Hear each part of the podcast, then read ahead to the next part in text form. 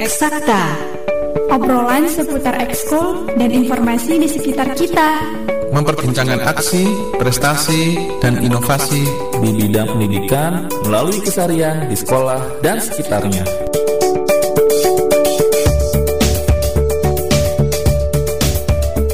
Dari Graha Media Pusdatin 1440 AM, Suara Edukasi yang akrab dan mencerdaskan. Ya, hari ini senang sekali di acara Eksakta kita kembali bisa buat janji dengan guru-guru seluruh Indonesia, khususnya para duta rumah belajar ya. Kali ini giliran siapa? Ya, insya Allah untuk sahabat edukasi yang sudah membaca flyer kami yang tersebar di media sosial. Hari ini kita punya janji dengan Ibu Rufina Skunda SPD. Beliau adalah duta rumah belajar dari Kalimantan Barat.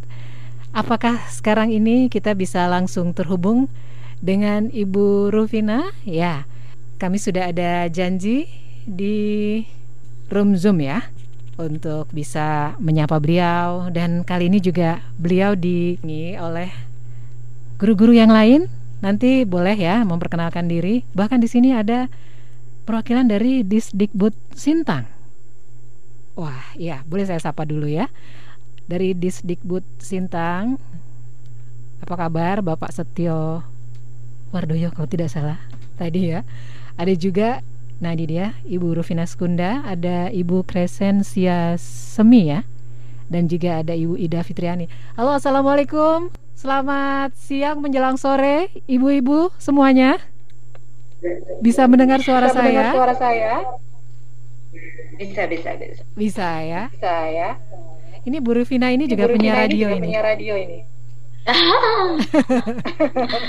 Luar biasa ya Luar guru-guru biasa ya sekarang. sekarang. Silakan memperkenalkan Silakan diri, memperkenalkan Bu diri, Rufina. Bu Rufina. Ya baik, halo selamat siang dan salam sejahtera untuk kita semua. Adil Katalino, Bacuramin Kasaruga Basengat Kajubata. Assalamualaikum warahmatullahi wabarakatuh. Selamat siang, shalom dan salam sejahtera untuk kita semua. Om Swastiastu, Namo Buddhaya, salam kebajikan. Perkenalkan saya Rufina Sekunda, Duta Rumah Belajar Provinsi Kalimantan Barat tahun 2018 yang merupakan guru bahasa Inggris di SMP Negeri 3 Sungai Tebelian, Kabupaten Sintang, Provinsi Kalimantan Barat. Terima kasih kepada Suara Edukasi yang pada kesempatan berbahagia ini mengundang kami untuk hadir bersama Kami yang seluruh berterima yang kasih. pencinta suara edukasi. Iya, Ya, alhamdulillah ya. Alhamdulillah ya. Jaringannya, Jaringannya dan juga ibu waktu lapang ibu untuk kita lapang ngobrol-ngobrol hari, ngobrol-ngobrol ini hari ini ya. ya. Silakan, Silakan untuk, untuk SRB Kalbar SRB Kalbar 2020, 2020. Ibu Ida Fitriani, Ya Fitriani, memperkenalkan diri Bu. memperkenalkan diri Bu. Assalamualaikum warahmatullahi wabarakatuh. Eh, saya perkenalkan Ibu, saya Ida Fitriati, guru SMP Negeri 3 Sanggau. Kebetulan eh, diberi kesempatan menjadi sahabat rumah belajar tahun 2020. Bimbingannya Bu Rupina. Keren Eh, saya sekali ya. mengajar ya, Kita saya mengajar ya, Bu ya. Iya, Bu. Ah, ah. Baik. Nah, yang berikutnya ini ada kakak sepertinya ya, kakak Marcela Yuni Lestari. Ya, Silakan memperkenalkan diri. selamat siang semuanya. Perkenalkan, saya Marcel Lestari. Saya siswa SMA eh, diundang oleh Member Pina buat ikut Zoom juga. Jadi Iya, bincang-bincang tentang Terima kasih. Jadi hari ini kita mengangkat tema tentang pendidikan di bumi Katulistiwa. Ini sangat terkenal ya bumi Katulistiwa ya, karena dilintasi garis ekuator. Boleh cerita sedikit Bu, bagaimana kondisi di Kalimantan Barat saat ini? Bu Rufina, Iya. Terima kasih Ibu. Oh, ini panggilannya siapa ya? Kalau boleh tahu. boleh ya? panggil Hani saja. Oh ya Kak Hani ya. Biasa sama Mas Agung ya. Aku siaran di sini ya. Iya, ganti-ganti ya Bu, biar kenal semua. Oh, oh, oh.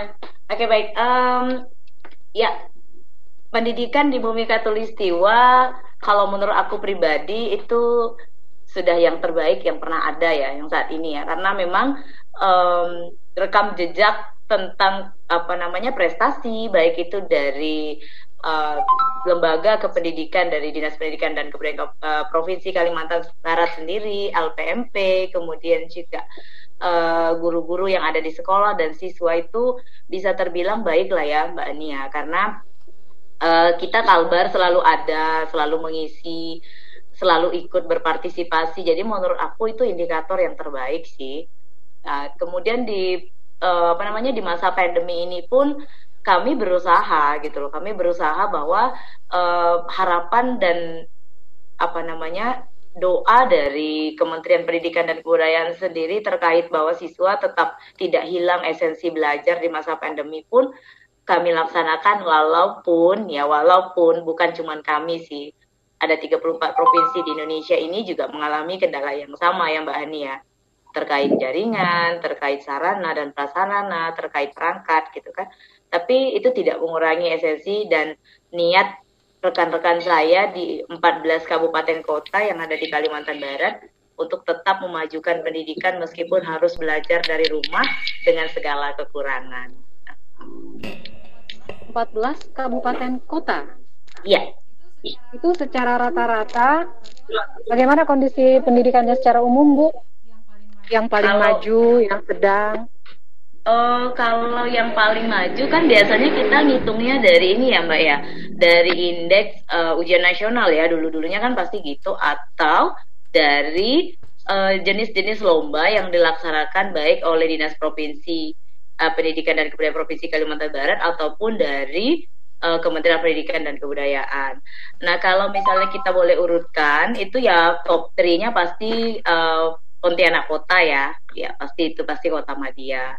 Kemudian bersusul-susul biasanya itu uh, Kabupaten Pontianak, Kabupaten Sintang, Kota Singkawang. Nah, itu biasanya yang memang paling sering baik dari tenaga kependidikannya ataupun dari siswanya. Karena kan kita bisa lihat dari aktif apa penghargaan-penghargaan yang didapat dari kalau dulunya nilai ujian nasional kan yang biasa menjadi standar ataupun dari apa namanya uh, siswanya sendiri gitu sering tidak ikut atau mengirim dalam lomba-lomba yang dilaksanakan gitu Mbak Ani. Nah, itu tadi berarti image yang sangat baik dan positif ya dari pendidikan hmm. secara umum di Kalimantan Barat. Boleh mungkin dari Ibu Ida, kalau pandangan Ibu seperti apa Bu? Uh, pandangan saya untuk pendidikan Kalbar sama dengan Bu Rupina um, mungkin saya untuk ke semua kabupaten ya Ibu masih belum paham betul karena cuma di Sanggau. Untuk di Sanggau Ibu uh, untuk beberapa tahun ke uh, sekarang itu komunitas guru belajar itu sudah mulai bergerak. Jadi uh, untuk teman-teman yang peng, pengurus-pengurus komunitas juga sudah menjadi salah satu kemarin menjadi salah satu sumber narasumber di seminar-seminar nasional yang diadakan di kementerian juga. Jadi masih untuk di Sanggau masih dalam tahap uh, peningkatan kali Ibu. Seperti itu. Iya, jadi kita boleh berharap ya untuk wilayah Kalimantan Barat ini diwakili beberapa daerah, utamanya di kota Pontianak, Kabupaten Pontianak, Kabupaten Sintang dan Sanggau, oke okay lah ya. Bisa nah, ini Mbak, Mbak ini kita punya ini nih Pak Setio Wardoyo ini ke kebetulan beliau uh, betul betul punya kurikulum di SMP kami ya di SMP di Dinas Pendidikan dan Kebudayaan Kabupaten Sintang. Nah beliau kayaknya lebih oke okay nih kalau Mbak Ani tanya-tanya tentang kemajuan. Nah, iya. Hampir terlewat. Jadi kantor ya. sepertinya. Pak Setio Wardoyo. Silakan Pak memperkenalkan diri. Pak Setio Wardoyo. Ya, handphone. Ya, kita bergabung sekarang dengan Disdikbud Sintang, Bapak Setio Wardoyo MPD, MAPI. Halo Bu. Ya, Selamat sore. Halo, Pak. Selamat sore. Assalamualaikum. Waalaikumsalam warahmatullah. Memperkenalkan diri Bu, saya ya. Setio Wardoyo dari Dinas Pendidikan Kabupaten Sintang. Ini adik saya tadi ini tiba-tiba mengundang saya ini. Mohon maaf ya Pak, mendadak ini ditodong. Nah, saya insya Allah untuk yang begini-begini selalu welcome Bu. Ya, saya selalu Alhamdulillah. Nah, terima kasih untuk undangannya. Ya, kami yang berterima kasih Pak.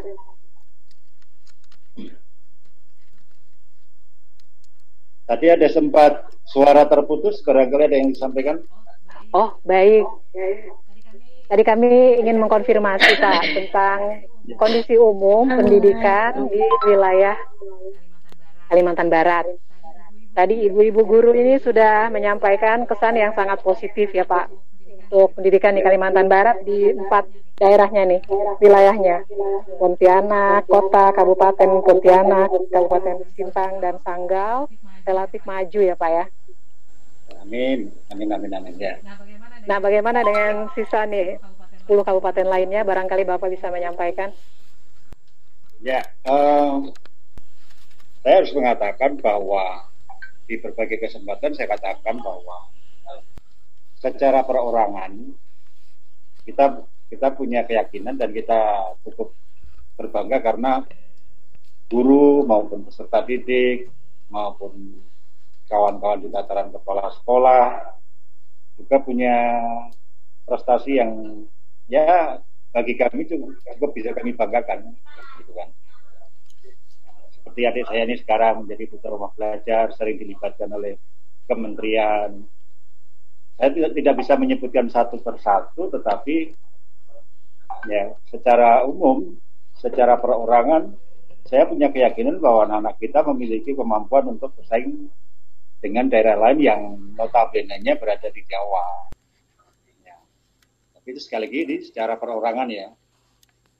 Namun kalau secara umum, ya kita harus akui bahwa keterbatasan kita menjadi salah satu kendala untuk bisa mengakses prestasi yang lebih bagus lagi itu kondisi alam yang memang sulit kita untuk bantah Nah, kondisi geografis, kekurangan guru, kemudian uh, tidak meratanya guru itu sudah menjadi faktor yang faktor yang lumayan klasik yang memang sebenarnya dalam hal ini menjadi ke, kewenangan kepemimpinan politik dalam hal ini.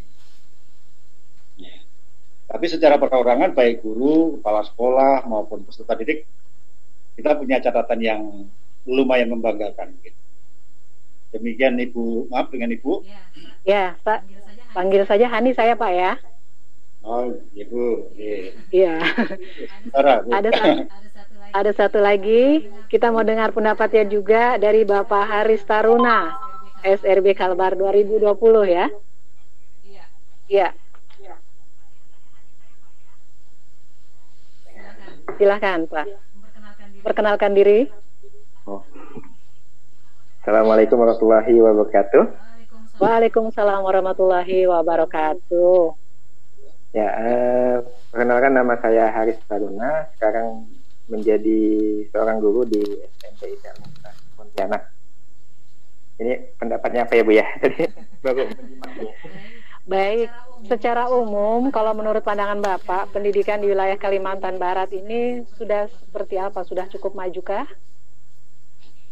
Untuk pendidikan ya Bu ya. Kalau pendidikan yeah. di Kalimantan Barat menurut saya sebenarnya untuk di Kalimantan Barat itu punya potensi yang sama sebenarnya dengan daerah yang lain kayak gitu. Jadi kita di sini pun uh, sudah mulai untuk lebih apa ya pada saat lulusan di sekolah saya pun kebanyakan mereka bisa bersaing di luar kayak gitu. Bisa berprestasi juga uh, untuk bersaing dengan daerah-daerah yang di luar Kalimantan Barat seperti itu Ibu. Baik, terima kasih. Jadi optimis memang ini secara perorangan benar kata Pak Setiawardoyo ya. Guru-gurunya optimis banget gitu. Ini guru-guru masih muda luar biasa ya. Makanya nggak salah ketika kami menyusun narasi betapa itu semangat guru-guru di wilayah yang pasti juga memiliki permasalahan klasik yang tadi disebutkan Pak Setiawardoyo ya. Masih belum terdistribusi dengan baik guru-gurunya, masih ada kekurangan guru, bahkan kendala geografis itu jadi tantangan, tapi tetap guru-gurunya semangat. Jadi ingin tahu, nah ini kembali lagi ke DRB Kalbar, Ibu Rufina. Betulnya apa nih yang memotivasi guru-guru tetap semangat dengan segala tantangan pendidikan di wilayah masing-masing? Oke baik Mbak Andi, uh, Kalimantan Barat tuh unik. 14 kabupaten kota untuk satu provinsi yang luasnya itu uh, mungkin hampir uh, setengah dari Pulau Jawa ya, kalau saya nggak salah ya, karena Kalimantan kan pulau terbesar juga di dunia. Nah jadi 14 kabupaten kota itu memang uh, apa namanya kita tidak bisa menyamakan gitu loh. Apalagi kalau untuk se-Indonesia, untuk satu provinsi saja untuk menyamakan persepsi dari pencapaian tujuan pendidikan nasional itu juga perlu perjuangan panjang dan dan kita nggak bisa maksudnya memaksakan harus sama gitu loh karena memang kondisi geografis budaya dan ekonomi dari 14 kabupaten kota itu sangat mempengaruhi Mbak Ani. Contohnya saja di Sintang, nggak usah lah jauh-jauh. Sintang itu terdiri dari 14 kecamatan juga. Nah, otomatis dari 14 kecamatan itu antara satu kecamatan dengan kecamatan lain itu juga pelaksanaan dari proses belajar mengajarnya juga pasti berbeda, Mbak Ani. Buat kami yang ada di Kecamatan Sintang mungkin masih well down, masih enak gitu kan. Sarana prasarana, aksesibilitas, apalagi terdampak dengan pandemi ini, mungkin masih bisa lah seperti harapan dari Kementerian Pendidikan dan Kebudayaan sendiri. Tapi akan berbeda ceritanya kalau kita akan beranjak ke Kecamatan Serawai, ke Kecamatan Kayan Hulu, ke Tungau Hulu, Kecamatan Kelam aja yang 25 km dari Kabupaten Sintang, dari kota Sintang, itu juga udah sangat berbeda ceritanya untuk di beberapa desa yang sinyal nggak ada, yang jarak tempuh dari sekolah ke rumah itu anak-anak nggak bisa jalan kaki, harus diantar orang tua, guru harus kunjungan ke rumah masing-masing anak juga mustahil. Nah itu itu sangat menjadi cerita yang yang luar biasa sih menurut saya Mbak Ani. Jadi selama masa pandemi ini banyak sekali teman-teman tuh yang bahkan mengundang saya ke dalam grup chat gitu kan untuk mereka sekedar mengungkapkan keluh kesah mereka gitu. Bagaimana kami mau belajar online, bagaimana kami mau belajar daring, mau nonton streaming atau ikut kelas Zoom dan segala macam. Yang sinyal aja untuk SMS kami harus cari pohon sinyal. Mbak Ani pernah dengar nggak istilahnya? Belum, pohon belum sinyal. pernah Nah, jadi dalam satu daerah itu akan ada suatu tempat, mungkin Tuhan itu memang maha sih menurut saya. Jadi di tengah kecamatan atau di desa itu yang memang bisa dibilang blank spot, tapi Tuhan kasih suatu tempat yang bisa mendapatkan sinyal. Nah, biasanya disebut orang pohon sinyal. Karena biasanya manjat pohon itu dapat sinyal atau berdiri dekat pohon itu ada sinyalnya. Itu benar. Itu bukan hanya meme atau cerita lucu, tapi itu that's right. Itu happening. Itu emang benar terjadi gitu loh.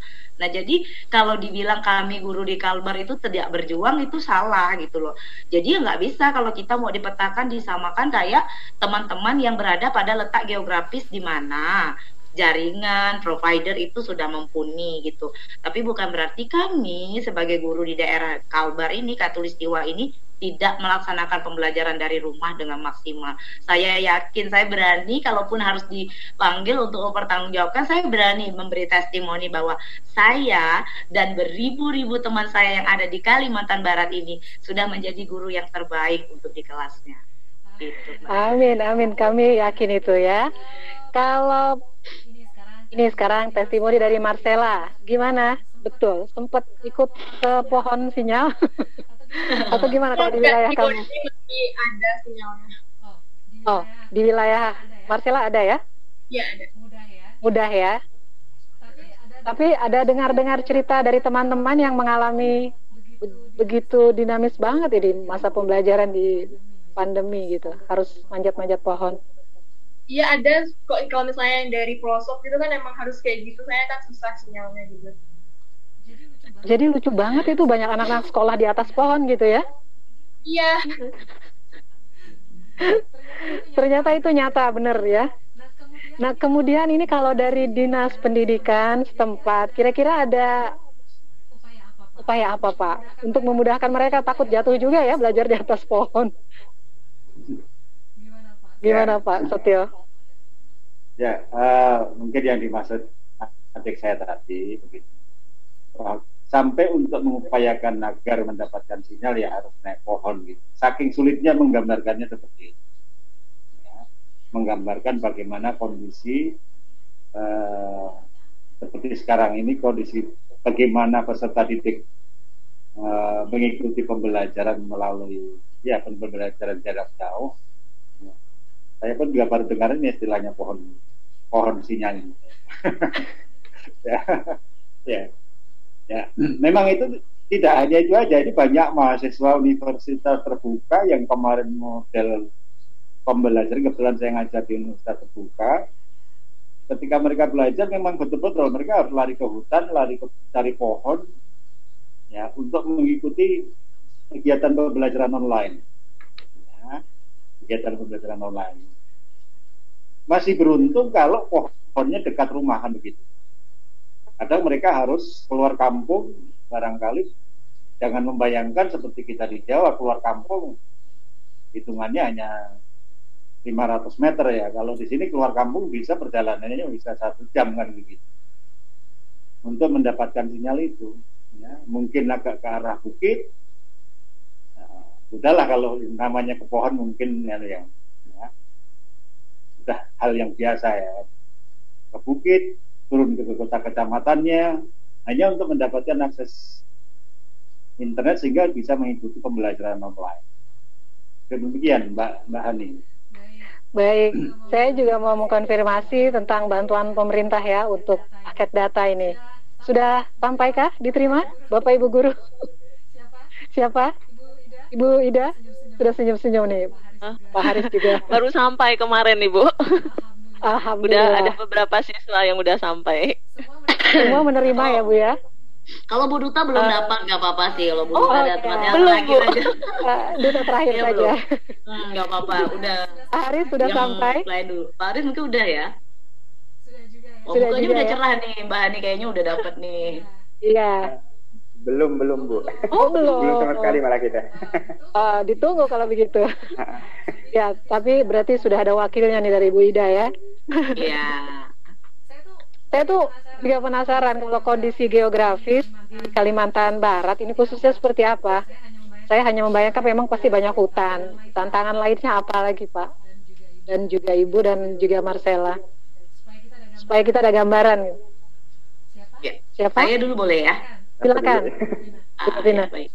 Jadi uh, pas 17 Agustus kemarin Mbak Hani, aku sengaja sih nggak ikut upacara di sekolah gitu kan. Kita ada upacara terbatas kan. Jadi aku bersama beberapa teman anak-anak yang aku asuh di dalam forum Bujang Dara gitu kayak kegiatan sosial anak-anak muda lah ya. Kami menggalang dana waktu itu untuk korban banjir yang ada di Kecamatan Kayan Hulu. Itu yang rumah-rumah banyak hanyut sampai jembatan juga ada yang putus Mbak Ani. Ah, banjirnya tuh aneh, banjirnya di bulan Juli. Mestinya kan bulan Juli itu panas ya. Tapi nggak tahu, mungkin Tuhan emang udah udah lelah juga kali kan ngelihat tingkah laku kita manusia nih. Jadi ya udah dikasih banjir aja kali waktu itu. Jadi banjirnya tuh banjir paling parah mbak. Nah aku ke sana dan aku tuh sampai mau meneteskan air mata. Kenapa? Karena ternyata di kecamatan yang sebenarnya tidak terlalu jauh sih dari Kabupaten Kota Sintang itu nggak jauh kayak dulu itu sebenarnya.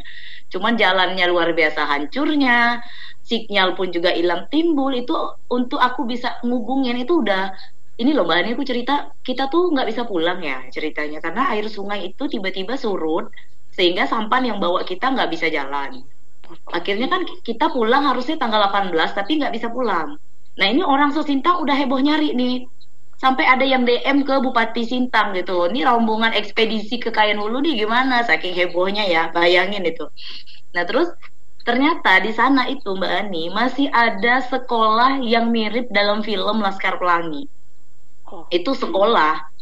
Saya sampai berpikir ini kenapa bisa seperti ini? Apakah ini memang salahnya dari kita pemerintah atau salahnya apa dari dinas? Tidak sih sebenarnya karena memang kondisi alam dan geografisnya itu memang sulit, Mbak sepanjang sungai itu aku ngelihat ada banyak sekali semen-semen beku yang mungkin sampahnya itu karam Mbak Ani untuk membawa semen. Nah Mbak Ani bayangkan itu semennya banyak banget sampai jadi batu. Nah jadi mungkin mau kita eh, dinas pun pemerintah mau membangun ke sana itu berpikir dulu kali ya panjang banget karena untuk mengangkut logistik bahan bangunan saja perlu perjuangan panjang yang mungkin akan memakan biaya juga besar gitu loh. Nah jadi ini kompleks menurut saya ini kompleks gitu loh kan jadi perlu memang kerjasama kita bersama baik pemerintah pusat pemerintah daerah dan kita juga masyarakat bagaimana sih supaya anak yang sebenarnya belum juga kita bisa bilang pedalaman, tapi mendapatkan kesempatan fasilitas yang sama dalam pembelajaran. Nggak usahlah kita mikir belajar online. Ruang kelas yang nyaman, tempat belajar yang sama gitu karena masih di wilayah Indonesia kan kita ngomong konteksnya kan gitu kan. Nah itu itu dari geografis Mbak Ani. Kecamatannya nggak jauh dari kabupaten kota kalau kita hitung dari kilometer ya. Tapi kondisi geografis yang harus lewat sungai, sungainya tuh Mbak Ani bukan sungai yang rata, itu tuh gunung tapi sungai gitu loh. Jadi kalau aku belum posting sih videonya. Jadi kalau kita ngelihat post apa video yang aku rekam tuh emang nanjak. Waktu kita pergi ke hulu itu nanjak, Mbak. Jadi harus ada yang sampan kita turun, sampannya ditarik, dipikul. Kebayang nggak sih? Kan harus bawa bahan bangunan seperti itu. Nah, mungkin permasalahannya di situ. Karena keadaan geografis yang luar biasa. Aku tuh sampai mikir, ini orang Dayak ngapain juga sih buat kampung harus di tempat seperti ini tapi mau bagaimana lagi penduduknya banyak mbak dan banyak banget penduduknya gitu loh dan ada sekolah di sana nah, jadi Wah, ini cerita yang sangat baru juga saya mendengar gitu ada sungai yang menanjak itu ya iya. mungkin dari Bu Ida dan juga Pak Haris juga Pak Setio juga Marcela boleh menambahkan tentang apa kondisi geografis ini yang cukup menantang juga di wilayah yang dikenal Kalimantan ya, Barat. Mohon izin, Mbak Ani. Silakan, Pak Setio. Ya, saya sekarang dikasih kurikulum dan penilaian SMP itu terhitung sejak Februari 2020. Sebelumnya saya berada di kasih kurikulum dan penilaian sekolah dasar selama tiga tahun. adik saya ini mungkin belum semua kecamatan pergi ini. Nah, itu dia. saya sudah berkunjung sekurangnya tiga, tiga kali di setiap kecamatan. Sekurangnya. Nah, sekurangnya tiga kali. Nah, nah, berdasarkan pengalaman yang saya pernah alami selama tiga tahun di bidang kurikulum sekolah dasar, saya gambarkan saja Mbak ya. Ini saya hanya sampai ke kota kecamatan ya. Ini belum ke kampung. Ya, saya masih sebatas di kota kecamatan. Secara singkat saya gambarkan kecamatan yang nempel geografisnya dengan Sintang, kecamatan Sintang itu kecamatan Kelampermai, kecamatan Gedai, kecamatan Sepauk, Kecamatan Tembuna, Kecamatan Hulu, Kecamatan Sungai Tebelian. Itu yang nempel daratannya ibarat. Ya. Terdekat itu adalah Kelampermai. Ya, 20-an kilometer lah dari pusat kota. Kalau ke kota kecamatan ya mulus lah. Tapi jangan membayangkannya di kota kecamatan saja. Nah, dari sekian 14 kecamatan berarti dikurangi Sintang kota berarti tinggal 13 ya. Terjauh perjalanan adalah eh, yang pernah saya tempuh adalah kecamatan Ambalau. Kota kecamatan Ambalau itu ditempuh dengan saya naik mobil dulu dari Sintang ke kecamatan Kabupaten Melawi nah, kurang lebih satu setengah jam. Nanti naik speed itu speed itu ya motor speed tapi dengan 40 pk kecepatan tinggi itu kurang lebih lima jam lima setengah jam bisa dibayangkan itu pulang pergi ke Jakarta bisa balik itu ya kemudian ke Tungau Hulu itu perjalanan 6 jam darat. Kerawai itu lima setengah jam sudah darat campur air. Kemudian tapi sekali lagi jangan dianggap bahwa perjalanan itu hanya sampai terhenti sampai di situ. Perjalanan terjauh yang saya katakan tadi dua jam satu setengah jam naik kendaraan darat kemudian disambung naik speed lima setengah jam kurang lebih tujuh jam itu baru sampai kota kecamatan Ambalawe sementara masih ada sekolah yang jaraknya kalau ditempuh dengan sampan 2 PK 2 PK itu sangat pelan. Bunyinya pun kata-kata kata-kata kata-kata itu hitungannya bahkan ada guru SD yang kalau ke kota kecamatan itu bisa hitungannya 8 jam. Bisa bayangkan itu Mbak Ani? Di Kecamatan Nambalo ada sekolah gurunya yang nah mungkin kalau Mbak Ani tahu kawan-kawan guru kontrak daerah, guru garis depan Ya, mereka ada yang bertugas di sana, di kota kecamatan, di kecamatan Nambalo tadi, harus menempuh perjalanan da, uh, lewat air menggunakan speed speed 2 PK lah gitu ya. Speed 2 PK itu biasa hanya dipakai oleh warga-warga kita untuk mancing, untuk pergi ke hutan, nyari nyari sayur, nyari ikan itu. Tapi kalau itu difungsikan menjadi alat transportasi ya kata mereka perjalanannya ditempuh dengan 8 jam bayangan itu ke sekolah menuju ke kecamatan. Nah, itu. Nah, terkait dengan apa yang disampaikan oleh adik saya tadi bahwa memang uh, yang paling dipenting perlukan adalah political will dari para ex, apa itu legislatif kita ya.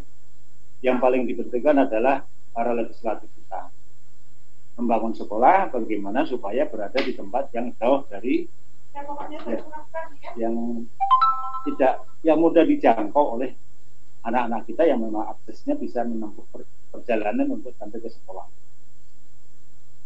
Ya, saya sudah mengalami itu Mbak, sudah mengunjungi 13 kecamatan itu, saya buktikan sendiri. Sekali lagi, saya itu masih di kota kecamatan. Belum sampai kampungnya. Gitu. Demikian, Bu Mbak Ani. Iya. Jadi lebih miris pasti yang meninjau secara langsung ya Pak, sudah ke lapangan. Nah ini pengalaman guru-guru yang mungkin masih diuntungkan di wilayah-wilayah yang cukup banyak ya dukungan fasilitas infrastrukturnya. Ini apalagi semuanya adalah guru-guru sahabat rumah belajar. Tantangan juga ya. Bagaimana ini bisa menggerakkan pendidikan di wilayah tetangga selain di wilayah masing-masing di Kalimantan Barat ini supaya bisa mencicipi juga nih akses pendidikan yang lebih baik Kira-kira apa nih yang ada di benak Bapak Ibu Guru SRB? Mulai dari siapa dulu, Ibu Ida atau Pak Haris silahkan. Ladies first biasanya ya. Boleh silakan. Oke, terima ya, kasih Ibu. Ya. Hmm, uh, saya juga mendengar cerita Bu Rupina mau berbagi cerita. Kemarin juga di Entikong, kecamatan di Kabupaten Sanggau juga ada tuh daerah seperti yang Bu Rupina ceritakan. Itu di Kecamatan Entikong, itu di SMP 2 Entikong disuruh Tembawang itu juga sama. Jadi kalau saya juga cuma dengar cerita ya Ibu ya. Soalnya kemarin 2009 saya itu ditugaskan di SMP 3 Entikongnya. Pas SMP 3 Entikong itu benar-benar masih di kota kecamatan.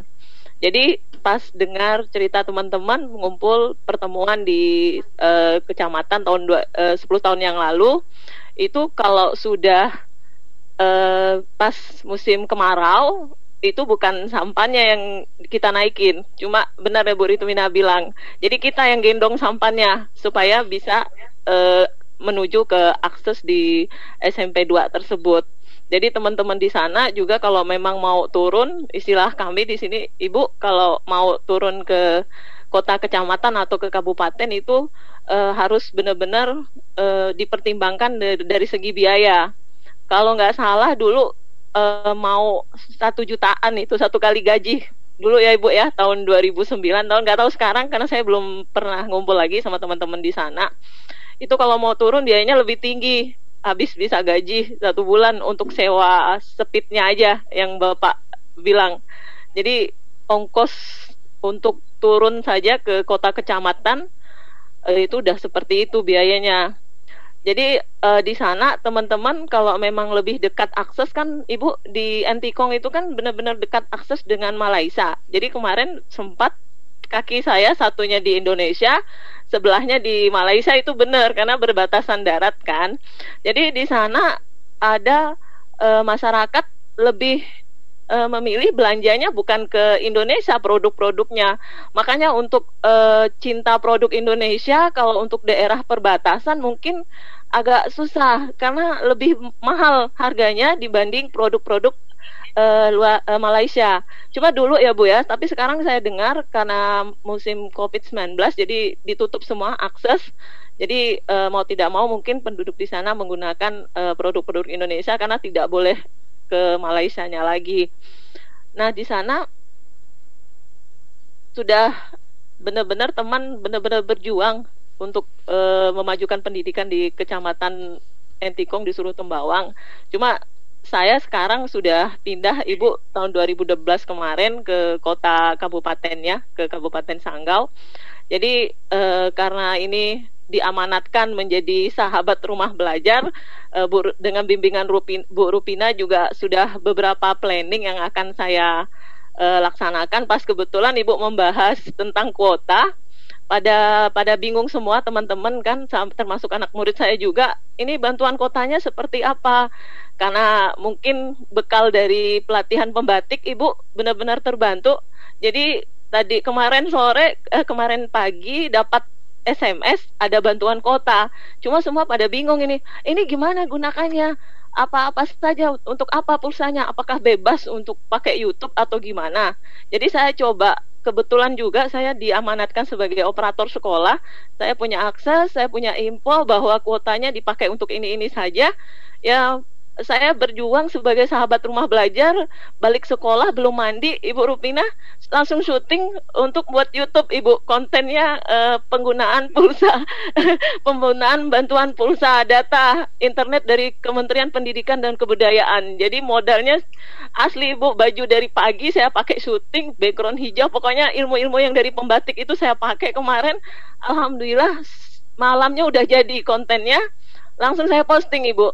Ternyata itu saya kirim ke grup dulu. Saya nggak masih belum berani untuk main uh, sekabupaten apalagi seprovinsi Kalimantan Barat. Jadi niat saya cuma supaya dengan konten ini uh, apa terbantu. Orang yang pada bingung termasuk khususnya siswa saya ya ibu ya bingung kota yang 35 GB itu untuk apa saja. Jadi saya pikir eh, kenapa enggak saya buat konten penjelasan penggunaan dan akhirnya ujung-ujungnya promosi Bu rumah belajar karena di sana rumah belajar juga eh, termasuk ke dalam aplikasi dan web yang gratis untuk kota belajar yang sebesar 30 eh, GB. Jadi itu usaha saya untuk eh, partisipasi saya sebagai sahabat rumah belajar membantu supaya uh, siswa dan guru-guru yang kebingungan penggunaan kuota tersebut. Jadi ilmu ilmu pembatiknya digunakan ibu. Jadi seperti itu. Masya Allah, keren banget. Cepat tanggap, update yeah. informasi terkini gitu ya, dan insya Allah ini dibutuhkan nih. Iya, Nanti sebelum membantu. Pasti gimana untuk Marcela nih sebagai salah satu siswa ya perwakilannya informasi yang tadi sudah di-share oleh Ibu Ida soal penggunaan paket data dari pemerintah Sejauh apa kamu menerima informasinya? Ya, uh, kebetulan aku juga dapat kan paket data semuanya tuh jadi udah dikasih semua sama sekolah aku kan. Jadi emang udah dibilang sama gurunya emang itu cuma untuk uh, belajar doang, buka Google Classroom doang gitu. Udah dibatasin, jadi kita nggak bisa buka YouTube segala macam gitu, hanya untuk belajar doang. Tapi happy dong ya? Tapi happy dong ya? Iya, jadi nggak perlu beli paket data lagi. Iya ya, nggak ada alasan ya, mah minta tambahan pulsa ini atau paket data gitu ya, sudah dijamin oleh pemerintah ya. Nah sekarang Pak Haris, kalau tadi udah cerita dari ceritanya sedih-sedih sih, kalau Pak Haris. Pengalamannya nih. Ya baik, uh, untuk saya sendiri itu Bu, uh, sebenarnya saya kan di daerah Pontianak ya. Mungkin teman-teman di sini kan daerah yang Cintang dengan Sanggau ya, itu memang kecamatannya itu memang uh, secara geografis itu pun itu pun susah sekali kan ada memang uh, dapat apa ya dari info teman-teman saya yang ngajar di daerah Sintang, kemudian daerah Melawi, Kapuas Hulu, Sanggau dan lain-lainnya itu memang sangat terkendala dengan masalah kondisi geografis. Sedangkan di Pontianak ini kan sebenarnya tidak masalah Bu, tidak masalah cuma siswa kita juga itu tidak hanya dari Pontianak. Jadi siswa kita ada yang dari Melawi, kemudian ada yang dari uh, Sintang, kemudian ada dari Ketapang ya, yang di mana pada saat kondisinya yang di Skadau saja ada siswa kita yang di Skadau itu dia harus ke ke kebun kelapa sawit dulu bu untuk mencari sinyal kayak gitu.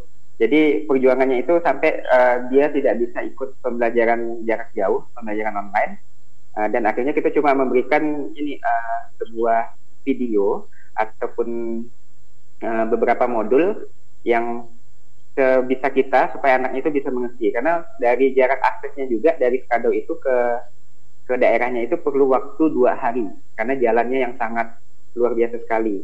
Jadi itu uh, itu yang menjadi sebuah kendala uh, kalau kondisi pendidikan di Kalbar. Kemudian ada juga yang dari Melawi yang di mana mereka itu cuma bisa bertahan uh, uh, dapat daerah sinyalnya memang hilang datang ya hilang datang cuma listriknya itu cuma hidupnya di siang hari eh di malam hari maksudnya di malam hari. Jadi uh, sangat terbatas sekali mereka dalam untuk apa ya namanya untuk men, apa ya mendapatkan sebuah sinyal juga kayak gitu. Karena dan ketahanan dari laptop atau HP-nya seperti itu. Dan baru-baru ini memang uh, yang uh, siswa kita yang dari Melawi pun terdampak banjir yang sangat luar biasa sekali ya. Katanya banjir yang paling parah ya mungkin Bu Rusina yang lebih paham ya daerah sana ya dekat soalnya kan di sana mereka sampai uh, buku-bukunya itu uh, diselamatkan dulu supaya bisa tetap belajar itu.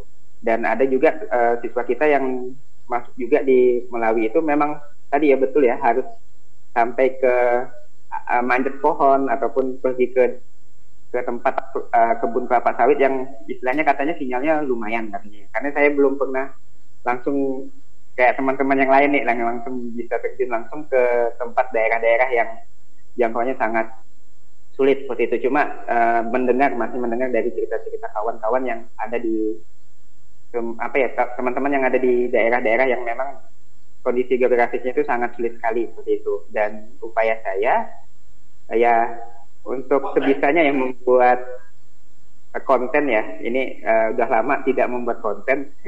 Jadi mau membuat konten lagi apalagi uh, saya, uh, saya mendengar keluhan-keluhan siswa itu selama pembelajaran jarak jauh itu terkendala sekali dengan yang namanya pelajaran matematika. Kan saya ini guru matematika jadi harus berput, uh, memutar otak gimana caranya supaya anak-anak itu bisa seperti itu. Soalnya kan anak-anak biasa ngeluh uh, yang ada di ini ya di teman-teman saya bilang ada yang aduh ini gimana ya? Kita susah mau belajar cuma dikasih modul dikasih latihan kemudian disuruh kumpulkan. Jadi kita pun uh, sudah uh, saya sendiri pun dengan teman-teman di sini sudah berusaha untuk membantu membuat video yang di mana video itu bisa diupload di YouTube dan bisa di saksikan oleh ini ya bisa di istilahnya kalaupun tidak bisa di YouTube kita apa ya pecah-pecah beberapa bagian kita lalu apa ya kita kirim melalui via WA seperti itu supaya anak-anak tuh bisa tetap download kayak gitu. Itu sih dari saya ibu. Oh iya tadi bapak mengatakan ada wilayah tertentu di Pontianak juga yang listrik bisa menyalanya itu malam hari. Itu siswa ya? bu siswa. Oh itu siswa. Oh itu siswa. ada di wilayah siswa kita ada di luar luar Pontianak. Oh, di luar Pontianak ya. Hmm. akhirnya layanan pendidikannya seperti apa pak yang diberikan? Uh, jadi kita uh, ada yang sampai teman-teman kita juga yang sampai mau tidak mau melayani mereka pada saat malam hari ibu. Seperti itu. Oh gitu ya. Jadi lembur siap nih bapak ibu gurunya. Ya, ya. tadi kan bapak Haris mengatakan belum punya pengalaman untuk mengajar di pelosok-pelosok ya. Barangkali mau minta ditempatkan ini oleh Pak Setio Wardoyo. Sebenarnya kepengen ya, Bu. ya, ini sebenarnya Pak Wardoyo tentang penempatan guru dengan keterbatasan jumlahnya. Ini kebijakannya seperti apa, Pak? Kalau di Kalimantan ya. Barat. Ya, ini anu nih, belum apa kalau penempatan itu memang sudah dari pusat, biasa kita memang apa ya, kita tinggal terima lah ya, seperti GGD itu kan kita tinggal terima mau tidak mau di situ lah gitu ya. Tapi ya frankly speaking bahwa keterlibatan politik memang kadang-kadang kadang-kadang loh ya saya bilang ya. kadang-kadang memang sulit dihindari itu dan itu terjadi di wilayah mana pun di Indonesia saya pikir kan gitu ya. Hanya sejauh ini ya dinas pendidikan selalu mencoba untuk uh, mengambil kebijaksanaan itu sesuai dengan ukuran normatif lah. Gitu. Normatif profesional itu ya memang anggaran ada, guru dipenuhi kan gitu. Anggaran ada, guru dipenuhi karena bagaimanapun mengangkat guru ketika kita eranya belum seleksi nasional kan dilimpahkan ke daerah. Tapi sungguh pun sudah dile, diberikan kewenangan daerah untuk mengangkat guru, tapi anggaran tetap aja kan yang bayarkan pemerintah. Nah, ya biasalah uh, harus kita katakan secara tetap memang uh, belum bisa memenuhi harapan kawan-kawan di lapangan karena keterbatasan anggaran. Ya, ini menjadi, saya kira ini tidak usah zaman sekarang, zaman kemarin, zaman tempo hari, kondisi ini saya pikir sudah dari dulu bahwa kita ini menurut informasi yang saya peroleh bahwa sebenarnya rasio jumlah guru sudah cukup Mbak Ani. Yang tidak cukup adalah yang tidak rasional adalah distribusi gurunya. Kita contoh begini, logika yang sederhana. SMP di dalam kota itu kan banyak kebanyakan ya ibu-ibu. Pertama karena apa ikut suami, mungkin suaminya karena pejabat yang harus ikut. Nah, itu saya pikir itu tidak hanya dialami oleh di Sintang di Kabupaten Sanggau dan lain sebagainya pasti kondisinya seperti itu. Sehingga meskipun kita upayakan dengan seprofesional mungkin, seketat mungkin, kondisi-kondisi yang seperti itu sulit dihindari. Kita tidak mungkin misahkan antara mereka berdua dalam kondisi berjauhan dan lain sebagainya karena kepentingan tugas dan lain sebagainya. Tapi sebenarnya rasionya itu kalau tidak salah di Kabupaten Sintang itu sudah satu banding 14. Artinya itu, eh, moga-moga data ini tidak salah saya tangkap ya. Artinya kelas satu kelas SMP aja guru menangani 32 orang anak. Ini ini yang yang bisa saya sampaikan. Tapi kita di pendidikan selalu mencoba untuk uh, secermat mungkin kalau dikatakan 100% cermat ideal mungkin sulit ya. Tapi setidaknya semaksimal mungkin untuk mengakomodasi kekurangan yang ada dengan catatan ya kembali kalau anggaran ada. Karena kita juga punya program kontrak, guru kontrak daerah. Ya, guru kontrak daerah sampai sekarang juga masih berlangsung. Nah, dan itu anggarannya kan masuk ke dana alokasi umum di, di daerah. Guru kontrak daerah juga diharapkan bisa menutupi kekurangan-kekurangan yang ada di, di daerah gitu. Banyak banyak juga sih kendala-kendalanya yang lain. Ya. Begitu mungkin itu Mbak Mbak Ani ya. Iya, baik. Artinya dari Dinas Pendidikan juga yang jelas berupaya ya Pak ya untuk memberikan layanan yang terbaik. Dan ini kita sudah masuk termin yang pertama. Jadi kita akan break sejenak. Bu Rufida Skunda, barangkali ini Ibu yang multi talented mau mempersembahkan performa apa? Oh, enggak deh. Untuk juga? Oke, okay, baik. Jadi untuk Ya malu ada saya itu Mbak Ani. Oh begitu. Padahal biasanya suka tampil ya Ibu. Ya. Atau dipersilakan Pak Setio. No Pak Setio tuh yang pada nyanyi tuh. Mau menyumbangkan. Nanti malah acara bisa bubar Mbak nanti. Nanti adik kita juga boleh ya Marcella. Mungkin bisa membawakan lagu daerah Kalimantan Barat. Nah, Marcella bisa nyanyi nggak? Gak pede. Gak bisa nyanyi. Malu ya. Bu Ida barangkali. Langsung panik. Terakhir nih Pak Haris. Baik. Kalau Haris pantun coba, pantun. Boleh, pantun. Ayo Pak Haris orang Pontianak tuh biasa jago pantun. Saya kurang jago pantun Ibu. Silakan. Ada pantun Pak? Enggak, saya paling sulit Enggak. untuk berpantun Ibu. Kalau gitu dipersiapkan dulu untuk termin berikutnya ya. Tetap bersama Suara Edukasi yang akrab dan mencerdaskan di acara Eksakta hari ini yang mengulik tentang pendidikan di Kalimantan Barat. Eksakta. Obrolan seputar ekskul dan informasi di sekitar kita. Memperbincangkan aksi, prestasi, dan inovasi di bidang pendidikan melalui kesarian di sekolah dan sekitarnya.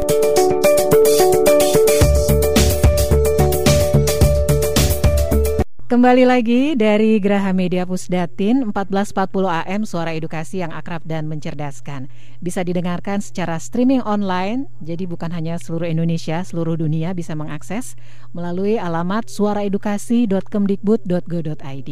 Kita kembali lagi bergabung ya dengan narasumber utama kita DRB Kalimantan Barat 2018 Ibu Rufina Sekunda, didampingi oleh narasumber lainnya juga nih ada Bapak Ibu sahabat rumah belajar Bapak Haris Taruna, Bapak Ida Fitriani, adik Marcella Yunirstari dan yang surprise nih kita berkenan hadir dan bergabung sejak tadi dari perwakilan Disdikbud Sintang Bapak Setio Wardoyo.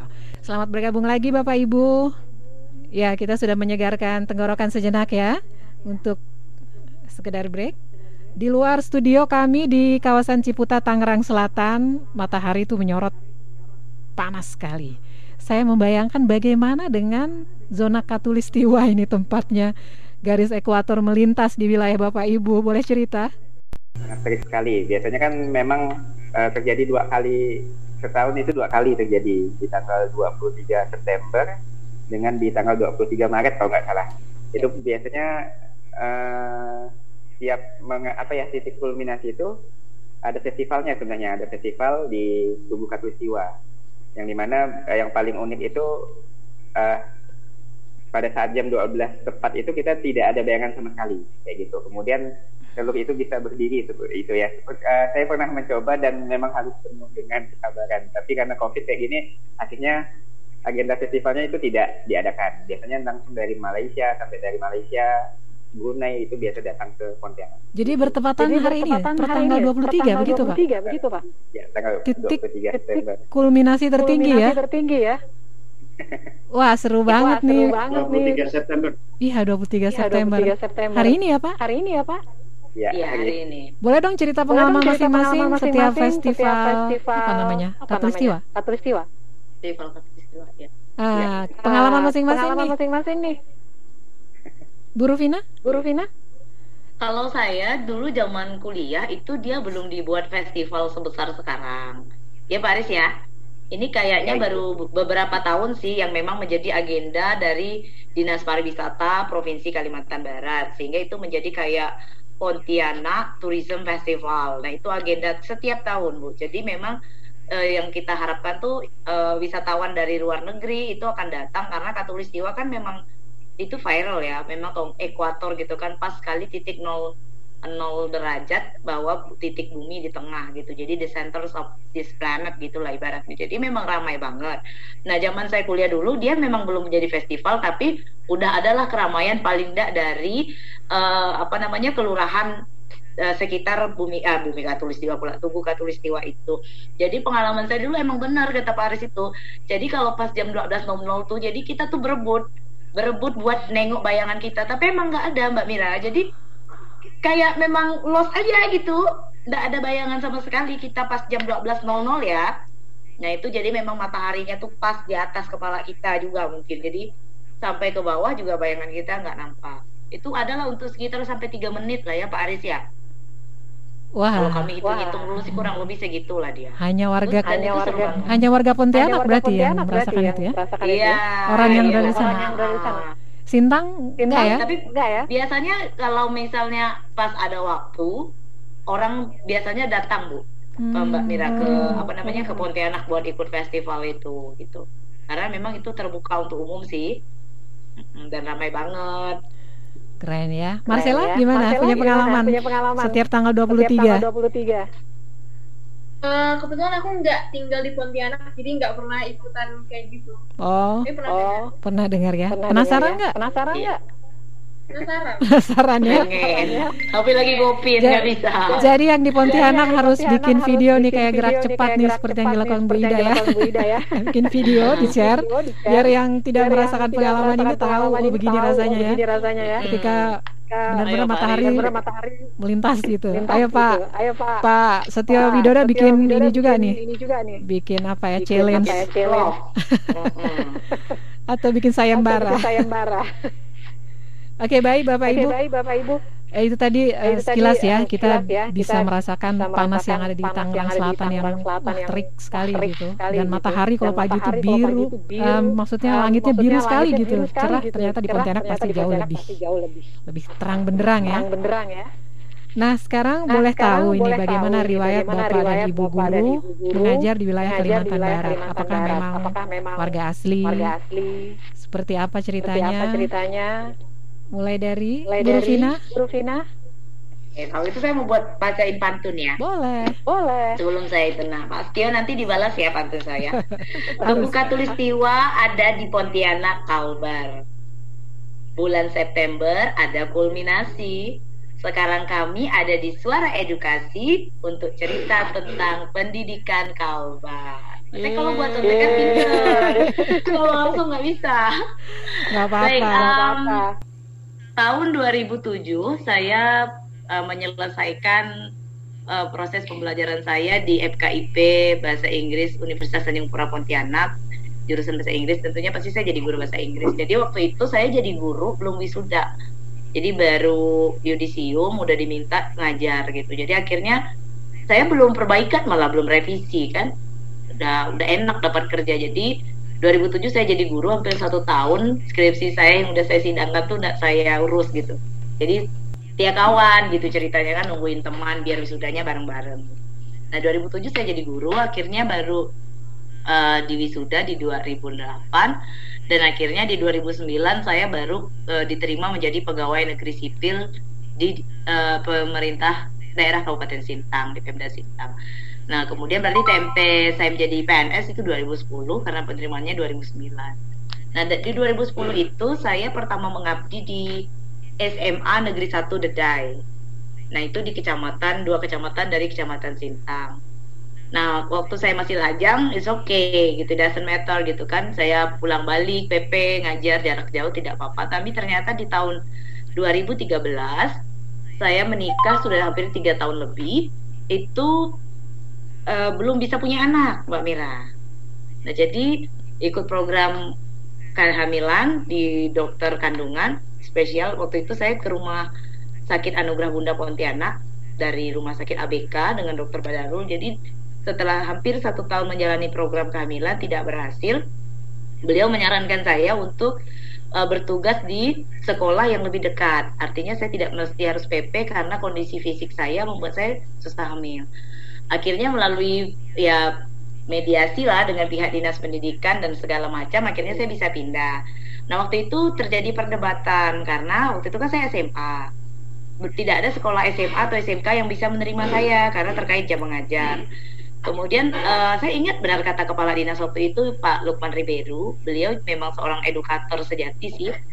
Dia adalah pendiri dari Sekolah Tinggi Ilmu Keguruan dan Pendidikan Katulistiwa Persada Sintang, STKIP Sintang. Jadi dia bilang begini, uh, Rufina gitu kan, whatever you are gitu, di mana pun kamu atau apa pun kamu, yang namanya permata itu tetap permata.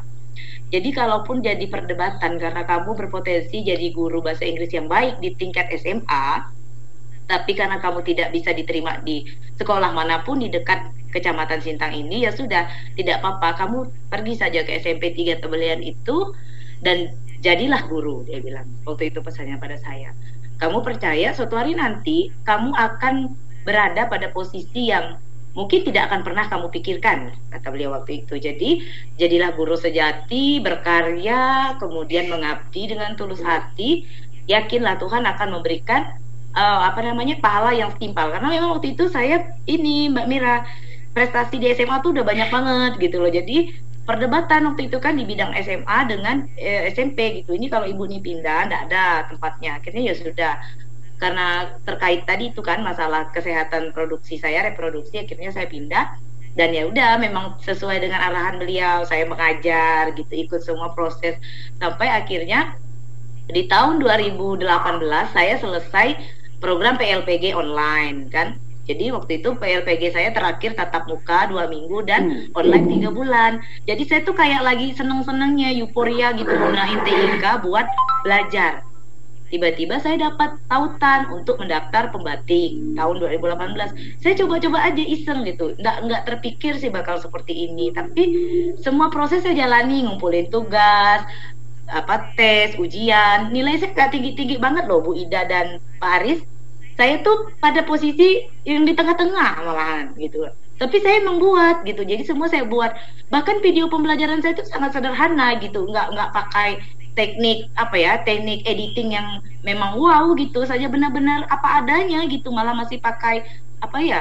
Waktu itu saya pakai Master yang masih ada label watermarknya karena masih yang nggak berbayar kan jadi sangat simpel. Bahkan anak-anak saya termasuk Marcella ini juga ikut dia dalam proses itu gitu loh kan. Jadi uh, akhirnya video yang Marcella dan teman-temannya terlibat itu ya saya bisa dibilang terbaik waktu itu untuk Kalimantan Barat. Contoh bagaimana memanfaatkan portal rumah belajar di dalam pelajaran pembelajaran. Jadi sepertinya saya memang cocok dalam bidang memanfaatkan Mbak Mira.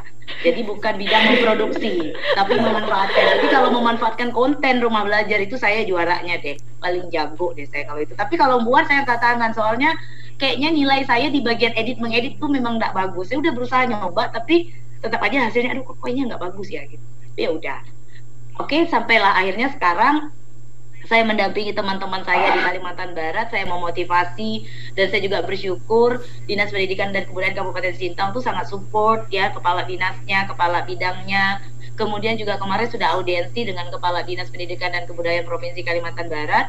Bapak Sugeng juga sangat support, dia sangat senang bahkan beliau mengatakan kontak saja kalau Bapak Ibu Duta Rumah Belajar itu mem mem memerlukan ruang dan waktu gitu. Dan kepala LPMP-nya juga dulu yang lama Pak Aristo itu sangat support bahkan sekarang saya diajak beliau sekarang kan dia di BPR PKM Jogja ya. Nah ini lagi ikut program beliau di radio edukasi untuk mem memanfaatkan konten radio edukasi di pelajaran bahasa Inggris. Dan sekarang juga Pak Asep kemarin juga oke okay banget waktu ulang tahun rumah belajar beliau juga sudah menyatakan siap untuk mendukung rumah belajar bersama duta rumah belajar dan sahabat rumah belajar. Jadi itu tadi ya, karena kita memang menjalankan niat dan fungsi kita sebagai seorang teacher, seorang pendidik, seorang guru di Republik yang saya cintai ini ya berkat dari Tuhan tuh melimpah ruah tanpa saya minta Tuhan kasih lebih. Itu Mbak Mira. Iya, terima iya, kasih. Terima kasih. Namanya agak mirip-mirip ya, Mbak Mira, Mbak Mira dan Mira. Tapi Panggil saya Hani juga boleh juga di udara. Di udara. ya. Oke. Baik. Baik. Tadi Bu Vina bilang, bilang salah satu tim salah satu tim membuat videonya Marcella, videonya Marcella ya. ya. Gimana nih? Gimana kemarin ceritanya, kemarin ceritanya ketika berproses ketika membantu, Bu, Rufina ya, Bu Marcella? ya, Marcella. Jadi ceritanya itu kemarin ya waktu baru aku ba kita baru naik kelas 8 ya, Mem. Ya. Jadi kita waktu itu sebenarnya hari libur disuruh mem datang ke sekolah buat bikin video gitu. Dan kebetulan mem Rufina juga wali kelas kita juga dulu waktu kelas 8 jadi kita pada senang semua anak muridnya mem Rufina mau dibilang dibilang studio video itu pada datang semua waktu itu. Padahal, padahal hari libur hari mas, masih hari libur. Tapi semuanya pada datang Nah, itu salah nah, satu kiat membuat anak semangat belajar juga ya, Bu ya. Juga ya, Bu ya. Dengan memanfaatkan, Dengan memanfaatkan banyak media belajar, banyak media gitu belajar ya. gitu ya. Nah, dan mereka senang nah, gitu karena videonya ditonton banyak orang kan. Iya, pasti senang iya, ya, Marcella ya. Marcella ya.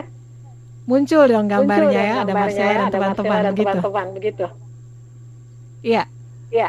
Bagaimana pengalamannya, Bagaimana pengalamannya memanfaatkan rumah belajar juga, Marcella? Juga, Marcella? Seru juga sih lewat belajar online, apalagi kan aku suka banget ya kalau misalnya ada dibilang belajar online gitu, apalagi kalau pakai aplikasi gitu Terus rumah belajar kan juga nggak itu ya gratis gitu ya, jadi enak juga sih untuk akses pelajarannya jadi juga mudah juga, bisa offline juga gitu. Oke, jadi lanjut ya jadi memanfaatkan, ya, rumah, belajar ya. rumah belajar ya.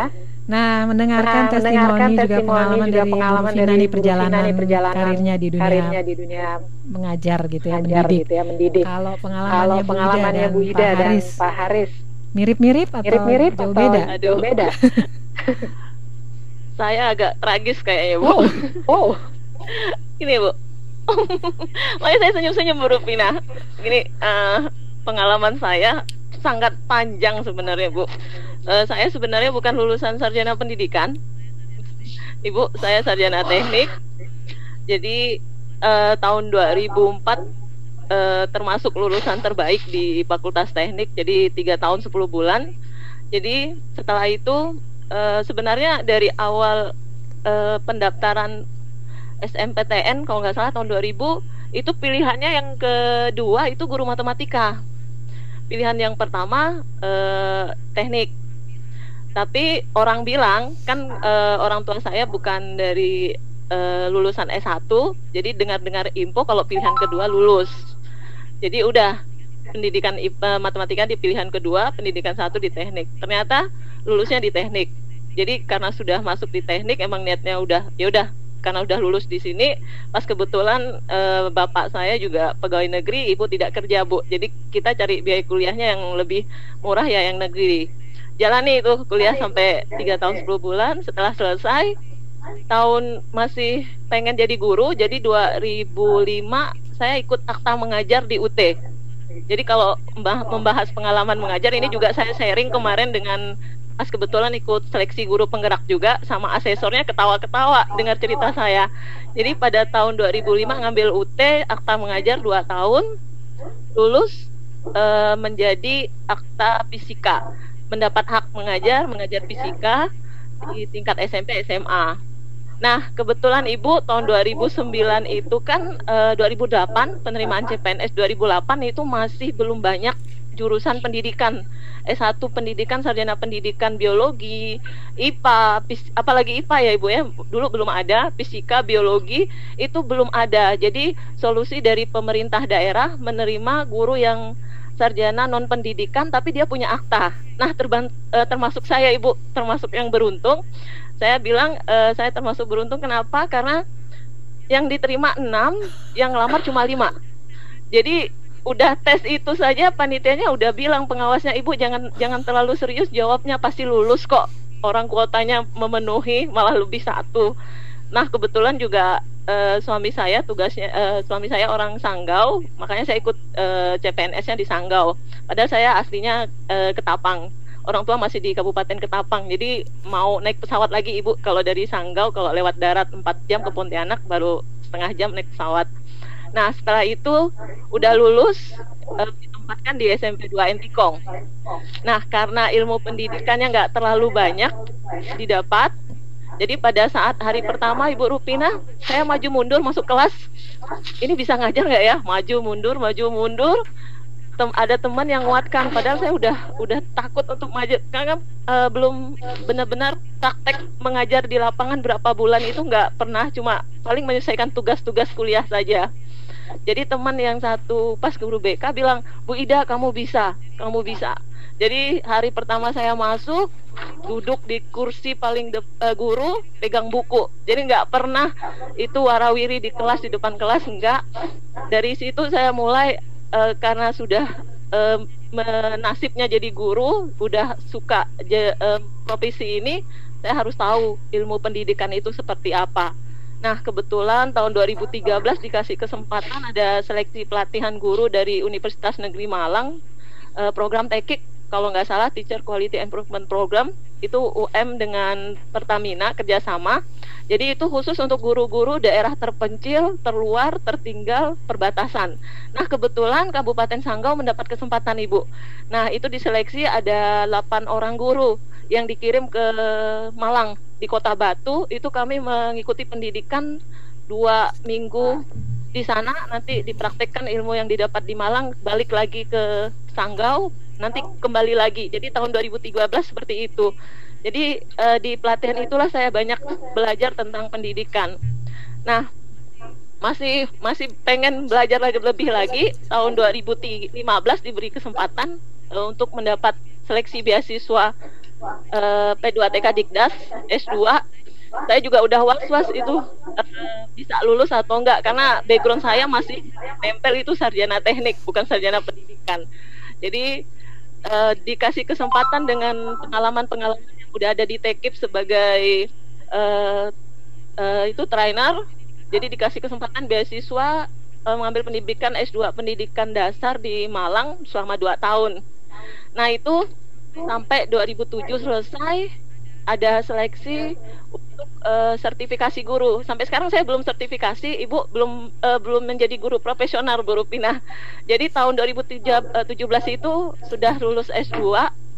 Ternyata yang non pendidikan nggak bisa, nggak bisa ikut PLPG, PLPG jalur prestasi karena uh, menggunakan ijazah S2 kan itu PLPG jalur prestasi. Nggak boleh, nggak bisa. Tetap langsung. Padahal itu udah masuk database di LPMP tinggal ikut PLPG saja. Ditolak. Jadi nama saya dikeluarkan gara-gara ijazah S1 sarjana teknik. Nah dari situ karena sudah cintanya ke guru jadi setelah ditolak ada tiga alternatif kemarin apakah tetap di eh, guru SMP tapi tidak akan pernah bisa menjadi guru profesional, tidak akan dapat sertifikat pendidik atau pindah ke SMK jurusan teknik sipil yang sesuai background S1 saya atau e, mau pindah ke struktural. Jadi nggak jadi guru lagi. Saya konsultasi sama suami karena saya udah e, senang dengan dunia pendidikan. Saya ngambil kuliah S1 lagi Bu. Jadi sudah S2 balik lagi S1. Makanya tragis teman-teman juga bilang kok Bu Ida udah S2 ngambil lagi S1. Karena saya pikir ya kalau udah cinta pada profesi kita harus apa saja kalau masih bisa didapat didapat. Jadi 2018 saya mulai kuliah lagi di UT uh, selama dua tahun. Ini barusan selesai kemarin. Alhamdulillah sekarang udah sarjana pendidikan ibu, sarjana pendidikan fisika. Jadi uh, kata orang sini udah aman jadi guru. Walaupun untuk uh, sertifikat pendidik masih berjuang lagi untuk PLPG. Jadi seperti itu. Makanya kalau udah mengingat perjuangan untuk menjadi seorang guru itu senyum-senyum. Kuliahnya nggak selesai-selesai dari kemarin. Nah, pas kebetulan ikut duta rumah belajar pembatik ini sebenarnya ini yang kedua sama-sama Bu Ripina bilang uh, sambil saya berpikir seperti ini Bu, uh, guru diwajibkan untuk mengajukan naik pangkat, sedang harus ada uh, pelatihan on, harus ada pelatihan peningkatan uh, profesi fungsional, peningkatan profesional pelatihannya. Sedangkan pembatik ini kan memfasilitasi semuanya, semuanya online, tidak ada alasan. Semua guru punya kesempatan, cuma ini masih belum membumi yang Ibu Rupina bilang.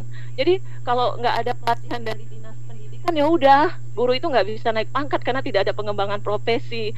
Jadi itu juga niat saya sekarang uh, men-sharing ke teman-teman guru yang lain di, uh, untuk kenaikan pangkat itu jangan terkendala gara-gara pelatihan nggak ada banyak sekarang kalau mau niat online udah banyak.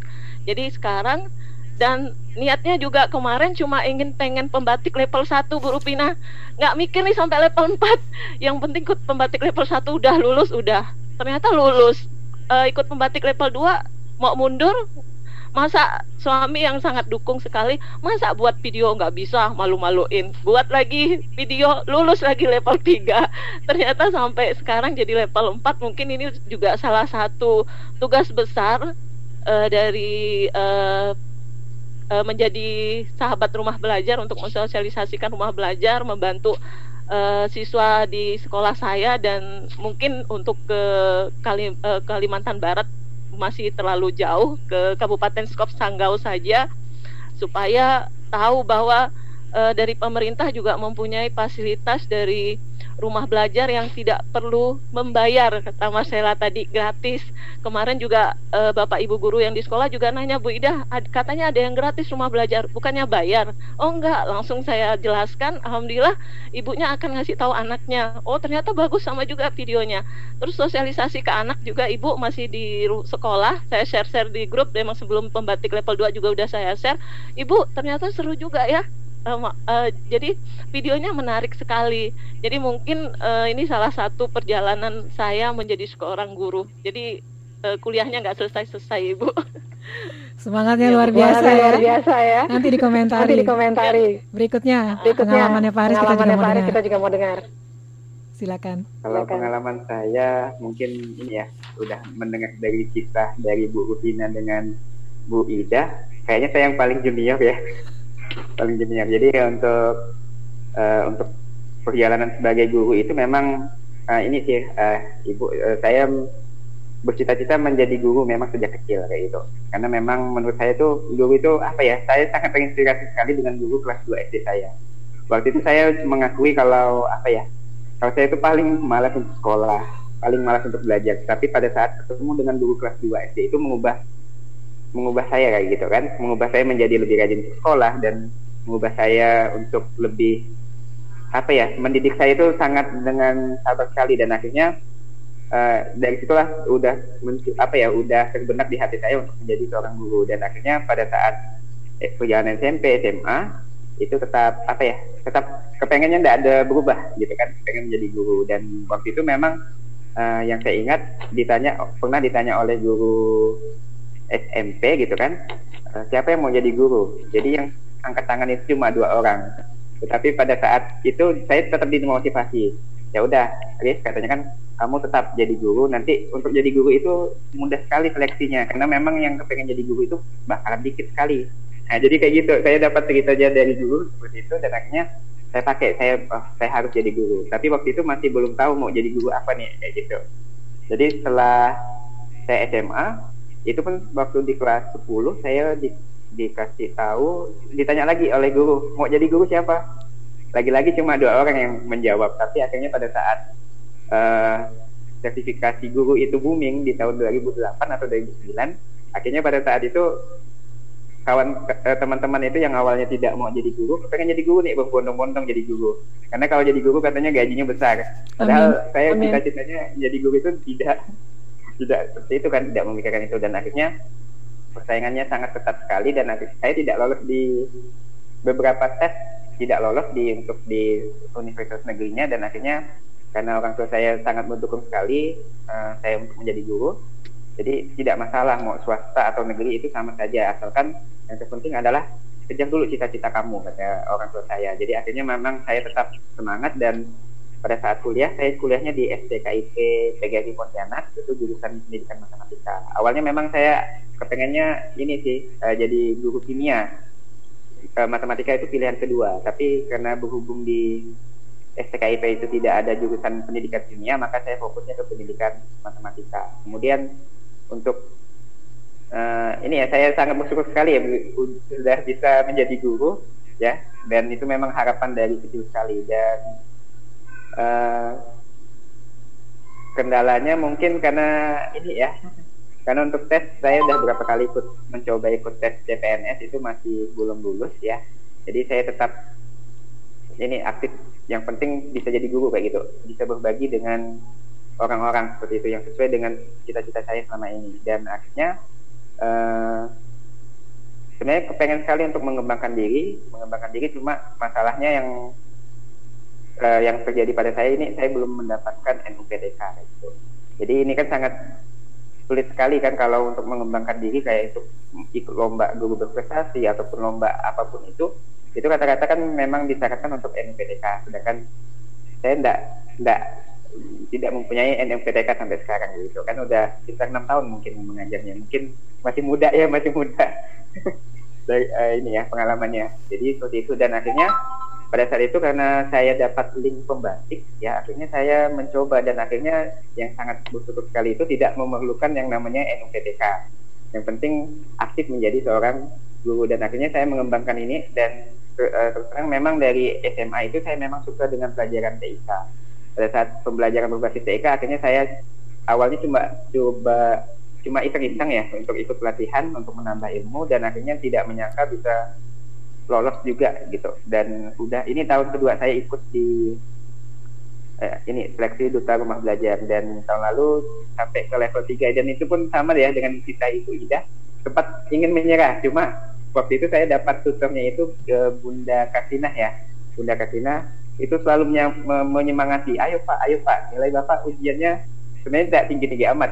Kata ibu uh, kata bunda itu udah tuntas pak. Udah mencapai nilai nilai ambang. Tapi saya belum sempat untuk membuat videonya dan akhirnya bunda Karina itu selalu ini selalu memberikan semangat karena beliau itu uh, tutornya kalau tidak salah di kelas 4S dulu ya tahun lalu uh, dan akhirnya saya sampai ke level 3 dan bertemu dengan uh, duta rumah belajar juga Bu Rufina, Bu Rufina. Dari sejak itulah saya oh saya terinspirasi sekali dengan duta rumah belajar dan memang uh, harapannya memang apa ya untuk menjadi duta rumah belajar itu kan aslinya kita harus sosialisasi ke mana-mana kayak gitu. Jadi itu uh, apa ya memang saya kepengennya memang cita-cita saya itu bisa ini ya berkeliling ke Kalimantan Barat untuk merasakan apa ya namanya uh, perjuangan kawan-kawan yang ada di di Kalimantan Barat dan dulu sempat pernah mau ikut sebelum ada sertifikasi guru itu ada SM3C cuma sayangnya pada saat itu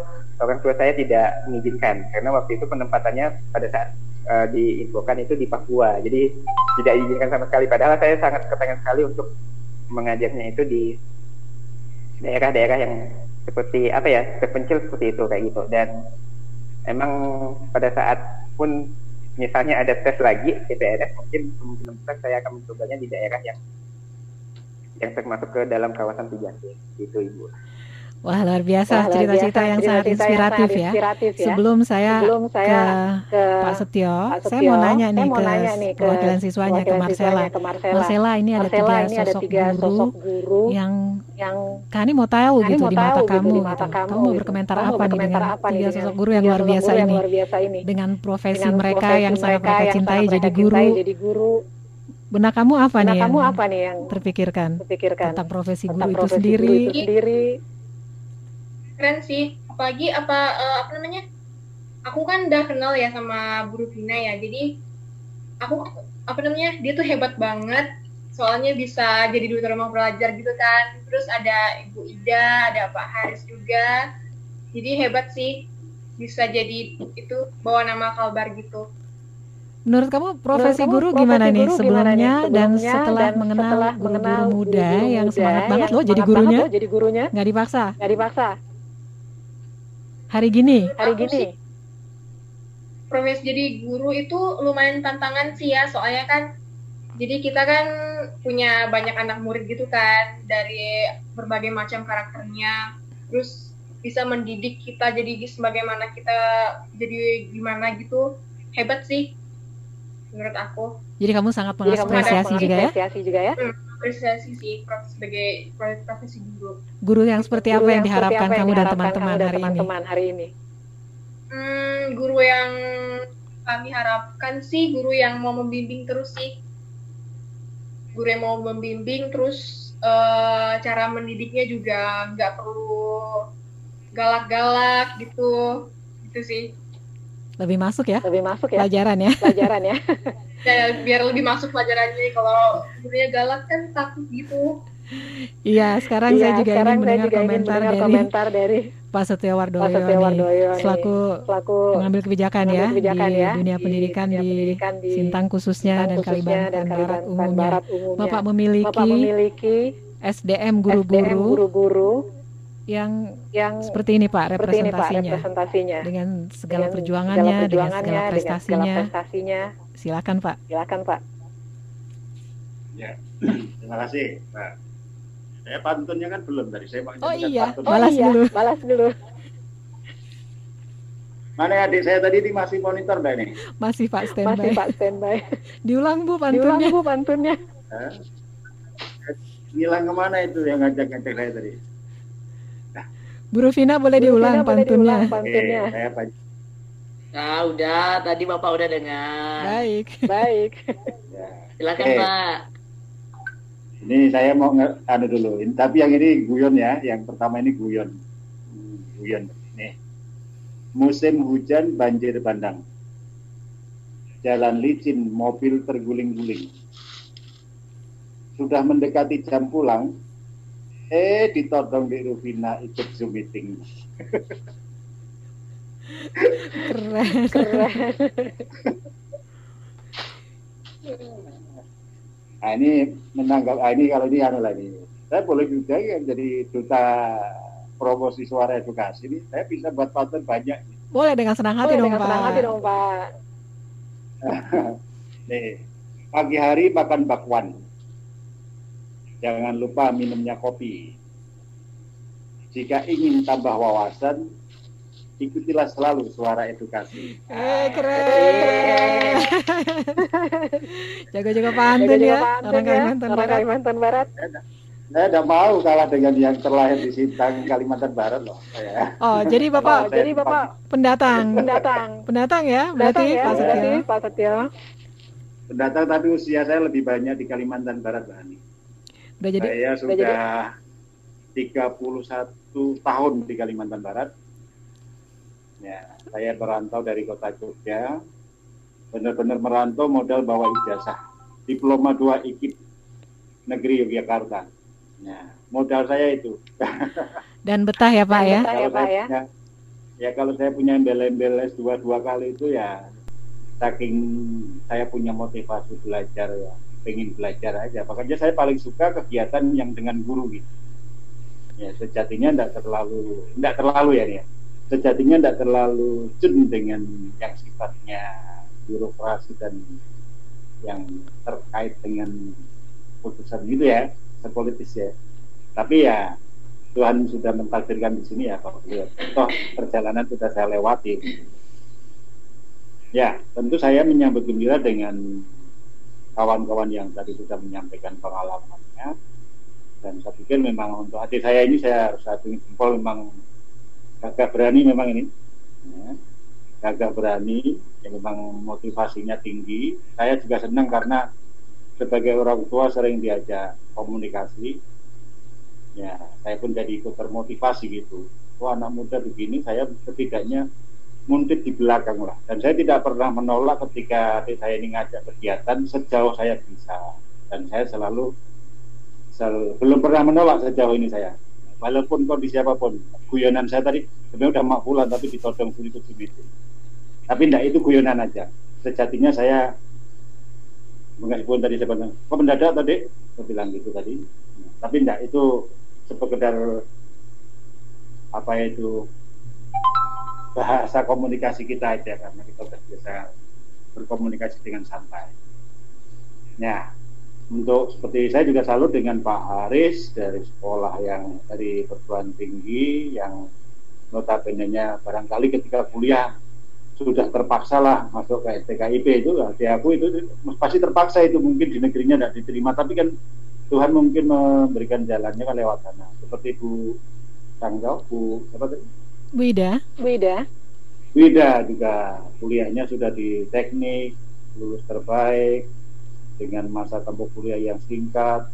Tapi memang panggilan hatinya juga begitu. Saya sendiri juga dulu kita citanya tidak ingin jadi guru, apalagi merantau ke Kalimantan. Mohon maaf ini kawan-kawan yang dari Kalimantan Barat ya.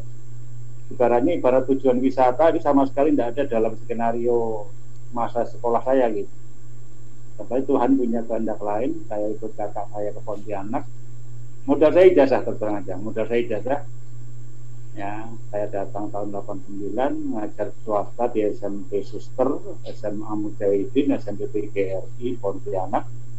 Tiga sekolah dengan level yang berbeda bona, sangat bonafit menengah dan sekolah yang amburadul saya katakan. Jadi tiga-tiganya saya pernah alami. Ya saya ikut tes 91 lulus tugasnya ke Sintang. Bayangkan tahun 91 saya mendapat tugas ke Sintang. Sementara pada saat itu saya punya penghasilan waktu itu kisarannya tahun 91 bisa bayangkan ini kawan-kawan guru saya punya penghasilan 600 sampai 700 ribu. Saya harus melihat SK dengan gaji pegawai negeri golongan 2B karena D2 ya golongan 2B kalau tidak salah 89 ribu harus merancang ke Sintang 9 bulan baru saya berangkat ya.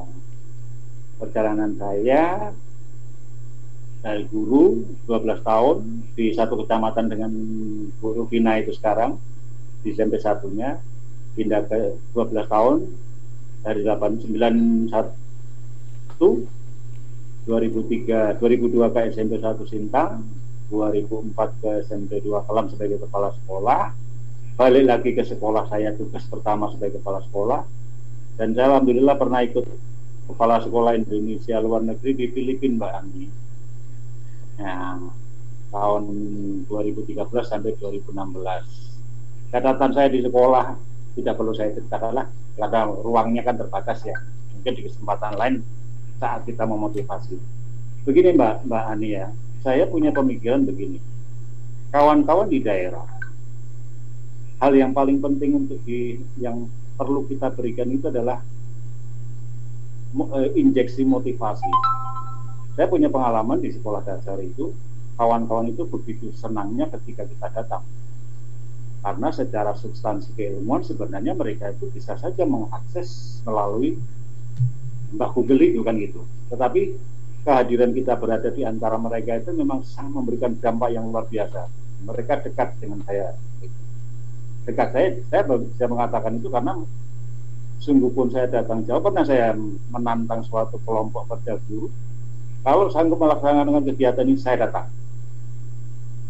Nah bayangkan orang 100 lebih datang hanya untuk mengikuti acara saya yang sebenarnya bisa mereka pelajari lewat mandiri. Tetapi tapi permasalahannya bukan di substansinya eh, bagaimana kita berada di antara mereka. Makanya itu boleh tanya dari itu adik saya itu. Saya bergabung dengan kawan-kawan guru yang mungkin kebanyakan belum kawan-kawan birokrat tidak melakukan itu. itu.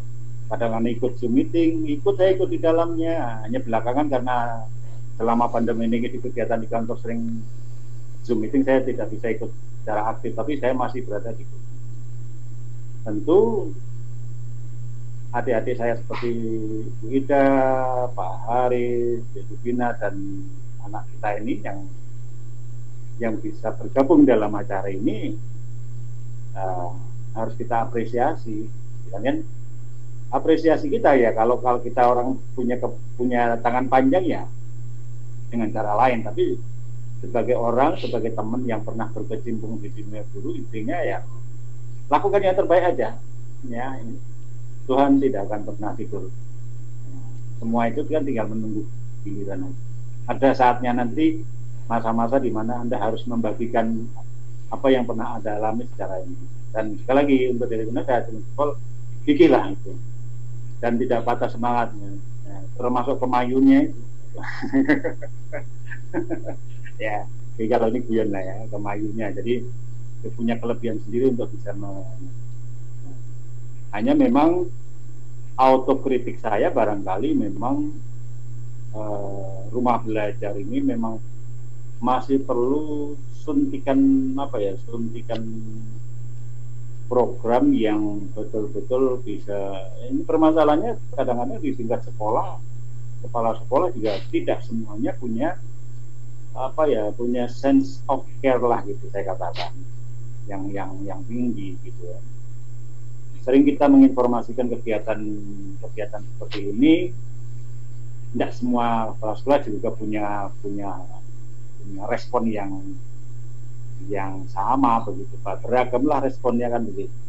Padahal ini kaitannya adalah dunia kita, dunia yang membesarkan kita, dunia yang menghidupi kita harusnya seorang kepala sekolah punya kepedulian yang tinggi terhadap hal-hal yang seperti ini. Belajar ya memang memang sudah menjadi core-nya kita proses tata kelola pendidikan. Demikian Mbak Mbak Hani yang bisa saya tambahkan mohon maaf kalau ada yang kurang berkenan. Iya, alhamdulillah, ya, alhamdulillah dukungan, ya, dukungan yang sangat positif, yang suportif dari Dinas dari Pendidikan di Sintang di untuk guru-guru dengan semangat yang dengan luar semangat biasa. yang luar biasa. Ini waktu kita tersisa, waktu kita 15, tersisa menit. 15 menit. Masih banyak yang ingin banyak yang ingin ditanyakan. ditanyakan. Tetapi ini Tetapi mungkin ini untuk masing-masing peserta, peserta hari ini, hari ini bisa memberikan, bisa memberikan apa motivasi ya motivasi terakhir, ya terakhir dan, juga dan juga harapannya apa harapannya nih apa nih? Untuk kemajuan untuk pendidikan, kemajuan pendidikan di Kalimantan, di Kalimantan, Kalimantan Barat Kalimantan khususnya. Barat khususnya. Dari dari siapa dulu? siapa dulu? Bu Rufina. Bu Rufina. Silakan memimpin. Silakan memimpin. Baik, um, saya mau buat pantun lagi nih kalau gitu. Tadi. Siap. Eh, nggak uh, adil dong, Pak Setio kayaknya tadi ada dua pantun kan, jadi aku mau buat pantun lagi. Sungai Kapuas itu ada di hulu ya, tempat kami menumpang mandi. Kami ini adalah guru yang bicara di suara edukasi. Wah keren, keren. Kapan buatnya Kapan buat sambil ngobrol sambil bisa jadi. saya buat contekan. Kalau saya buat contekan jago saya. Jadi baik. Hmm, terima kasih Pak Setio Wardoyo. I really appreciate it from the bottom of my heart for all the kindness that you have been told to me, that you have been teach me about how to be a good English teacher actually yeah? So you are inspired me too much of course yeah? Since the first time I met you I know that you are a very kind one and you will not uh, what's that? Place me as your competitor but place me as your best friend. Place me as your sister and that's true ya sampai detik ini dan bapak sudah membuktikan itu. So ya saya ingin memotivasi semua rekan-rekan saya yang ada di Kalimantan Barat khususnya bahwa um, pandemi ini hanya salah satu cara. Pandemi ini hanya salah satu cara dari Tuhan saya pikir ya ini menurut saya untuk um, menegur kita sebagai pendidik di era abad 21 kalau kita mau bilang bahwa Kementerian Pendidikan dan Kebudayaan itu tidak siap, Kementerian Pendidikan dan Kebudayaan itu tidak e, memfasilitasi kita salah total karena suara edukasi, radio edukasi, kemudian rumah belajar itu sendiri sudah ada bertahun-tahun lamanya sebelum pandemi ini terjadi, sebelum e-learning itu digaungkan.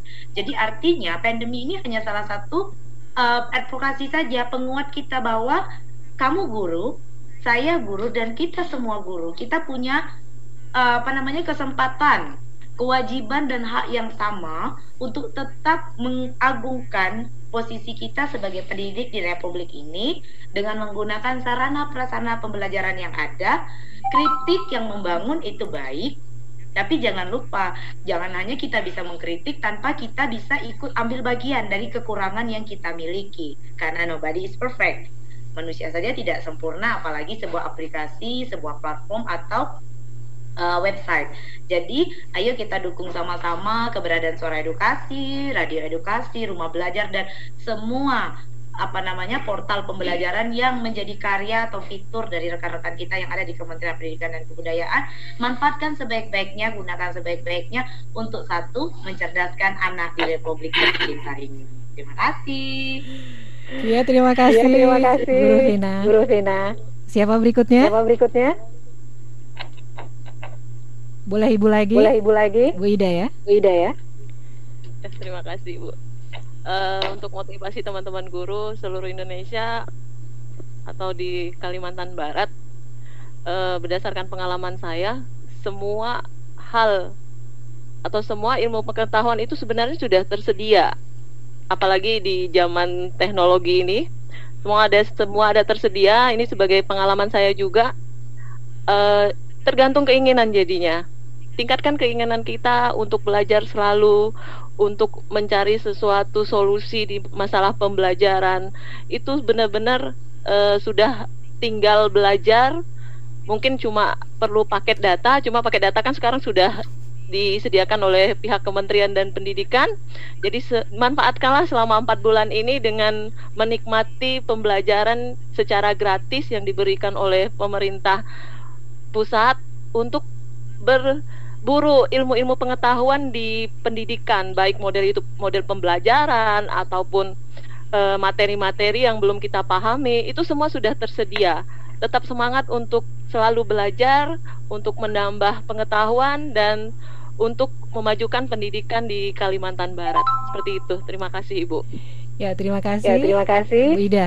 Bu Ida siapa terakhir? Siapa bukan terakhir? masih ada bukan, tiga masih ada lagi tiga maksudnya lagi, ya. maksudnya Pak Haris ya. mungkin ya? Pak Haris mungkin ya? Untuk motivasi ya untuk rekan-rekan guru uh, yang khususnya di Kalimantan Barat umumnya di Indonesia uh, kita sebagai guru tetap harus tetap semangat ya. Tetap semangat untuk tidak hanya uh, ilmu tapi kita bagaimana caranya kita bisa mendidik anak-anak kita untuk menjadi generasi yang bisa membanggakan Indonesia. Dan uh,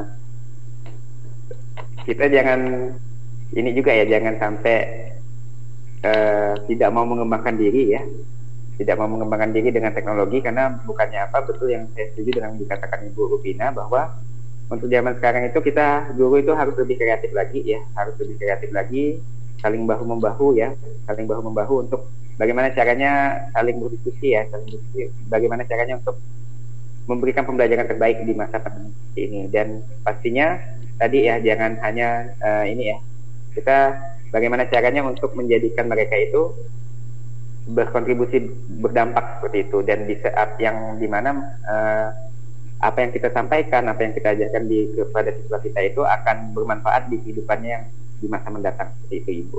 Iya baik terima ya, kasih baik, terima sebelum kasih. ke sebelum ke Pak Setio. Pak Setio. Sekarang adik Marcela. Sekarang adik Marcela. Ini apa nih harapannya, apa nih, nih, harapannya untuk, nih untuk pendidikan kamu ke depannya, kamu ke depannya, harapan kamu untuk harapan kamu guru-guru untuk juga, juga, dan motivasinya, dan semangat motivasinya belajar semangat di belajar masa pandemi. Di masa pandemi. Aku paling cuma dikit aja sih. Aku mau semangatin buat teman-teman semuanya. Jangan pernah malas untuk belajar, apalagi kita bukan berarti situasi pandemi kayak gini buat kita malas belajar gitu ya. Tugas-tugas harus dikumpulin juga. Gitu aja sih. Jangan males aja intinya. Gitu. Kasih. Iya, ini Iya, ngomong-ngomong malas saya jadi ingat nih, jadi ingat yang nih, termasuk yang malas belajar tadi Pak Haris ya Pak ngaku ya. Ya. Tapi begitu ketemu Tapi begitu guru kelas ketemu 2 guru SD kelas yang 2 SD inspiratif yang langsung jadi inspiratif, langsung jadi terlecut gitu semangat gitu belajarnya ya. belajarnya ya. Iya, mudah-mudahan ini Iya, juga jadi motivasi guru-guru di di Indonesia. Terakhir ditutup Terakhir ditutup oleh Perwakilan Dinas Pendidikan dan Kebudayaan Sinta Kebudayaan Bapak Seto Setiawardoyo. Epi, silahkan Pak. Silahkan Pak. Uh, yang pertama harus kita pahami bahwa mutu pendidikan kita ini hampir dipastikan menurun tajam. Saya mengutip pendapat Pak Hamid Muhammad ya. Mutu pendidikan kita itu hampir pasti turun tajam. Ya, mengalami penurunan lah sekurangnya. Yang harus kita lakukan adalah menekan laju penurunan kualitas pendidikan. Yang kedua, ya mau daring mau luring jangan itu yang diperdebatkan. Karena kalau sudah daring pasti kan ada syarat-syarat supaya bisa daring. Ya, kalau tidak bisa daring masa mau maksain daring? Kan begitu. Artinya yang terpenting adalah bagaimana peserta didik mendapatkan hak belajar. Nah itu yang paling penting. Mau daring mau luring kata orang Sintang serahian lah kan. Terserah. Yang penting hak anak belajar jangan jangan sampai diabaikan. Itu yang paling penting. Jangan kita memperdebatkan daring daring daring tapi malah akhirnya kita tidak melakukan apa. Tidak bisa daring ya luring kan begitu. Ya syukur. Kalau memang harus dilakukan dengan dua-duanya why not kan gitu yang terakhir guru yang hebat itu adalah guru yang menginspirasi. Itu barangkali. Ya. dan inspirasi itu tidak akan kita dapatkan seketika kita menjadi guru berada di dalam kelas.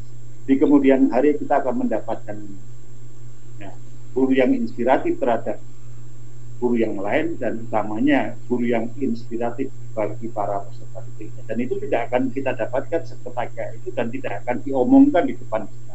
Suatu hari dia akan mengatakan suatu hari dia akan memperlihatkan bahwa oh saya dulu mengikuti gaya saya mengikuti bapak saya suka dengan ini dan lain Demikian Mbak Ani yang bisa saya sampaikan. Terima kasih sudah diundang di kegiatan ini. Sekali lagi, saya senang dengan kegiatan seperti ini. Uh, saya boleh buktikan, saya belum pernah menolak adik saya itu diajak bergabung. Masya Allah, Alhamdulillah. Alhamdulillah. Terima kasih, Terima kasih banyak, banyak untuk tamu-tamu sore edukasi, hari, edukasi ini. hari ini dan luar dan biasa luar ini biasa ini kerja keras Ibu Rufina Skunda bisa mendatangkan narasumber sekaligus ini kita berenam ya. Kita berenam ya. Sehingga diskusi hari ini menjadi lebih hidup, menjadi lebih terwakili dari beberapa perwakilan guru dan juga ada siswa apalagi sampai mendatangkan Pak Setio Wardoyo dengan kelapangan hatinya udah mau pulang ditarik-tarik diskusi dua jam. Diskusi dua jam. Mudah-mudahan diskusi hari ini kan, Pak. Insya Allah ya semoga ya, diskusi ya, hari ini bermanfaat, hari ini bermanfaat menciptakan mutual understanding, understanding di antara, di antara guru-guru, guru-guru, calon duta rumah calon belajar, duta rumah belajar yang sekarang sedang, yang sekarang dimentorkan, dimentorkan, dimentor ya, dimentor ya oleh Rufina, Rufina, juga adik Marcela juga yang dua jam loh ikut ngobrol ini bersama guru-guru. dan Bapak dari Dinas Pendidikan luar biasa betah ya, Dek. Mudah-mudahan memberikan motivasi, inspirasi, dan diskusi ini juga bisa membuka pikiran kita gitu pikiran untuk kita, gitu, menyelesaikan untuk tantangan, menyelesaikan di tantangan dunia pendidikan di daerah pendidikan kita masing-masing khususnya di Kalimantan, khususnya di Kalimantan Barat. Kami yang sangat Kami berterima yang kasih sangat berterima atas, kasih atas kesediaan, waktu, kesediaan waktu Bapak, Ibu, Bapak, Ibu, adik kita semuanya. Kita semuanya. Uh, mohon maaf uh, mohon untuk maaf banyak kekurangan. banyak kekurangan. Mudah-mudahan di lain Mudah waktu, di lain kita, waktu bisa bekerja kita sama bisa bekerja lagi ya, sama lagi ya, Bapak Ibu semua. Ya dengan demikian, ya, dengan saya, demikian Hani, saya Hani beserta tim beserta produksi, tim produksi mohon izin, mohon, mohon pamit, izin, mohon pamit dengan, dengan produser produser Mbak Mira Maulia, dibantu rekan siswa dan juga rekan Charlie. Sampai Charlie. jumpa di lain kesempatan. Sehat selalu Bapak Ibu. Bapak Ibu. Sampai jumpa. Mudah-mudahan kita bisa kita bisa on air lagi di lain waktu ya. waktu ya. Assalamualaikum warahmatullahi wabarakatuh. Wabarakatuh. Waalaikumsalam. Makasih Iya. Pak. Makasih Pak. Makasih Bu Ida. Makasih Pak Aris. Makasih. Mbak Marcela, makasih ya. Dan baik sahabat edukasi, dengan demikian kami akhiri eksakta edisi hari ini yang telah mengulik. Mudah-mudahan ini juga menjawab penasaran kita yang ingin mengetahui perkembangan dunia pendidikan khususnya di daerah Kalimantan Barat. Sukses untuk pendidikan di Indonesia melalui guru-guru yang sangat inspiratif yang sudah hadir hari ini. Saya Haniman pamit. Assalamualaikum warahmatullahi wabarakatuh.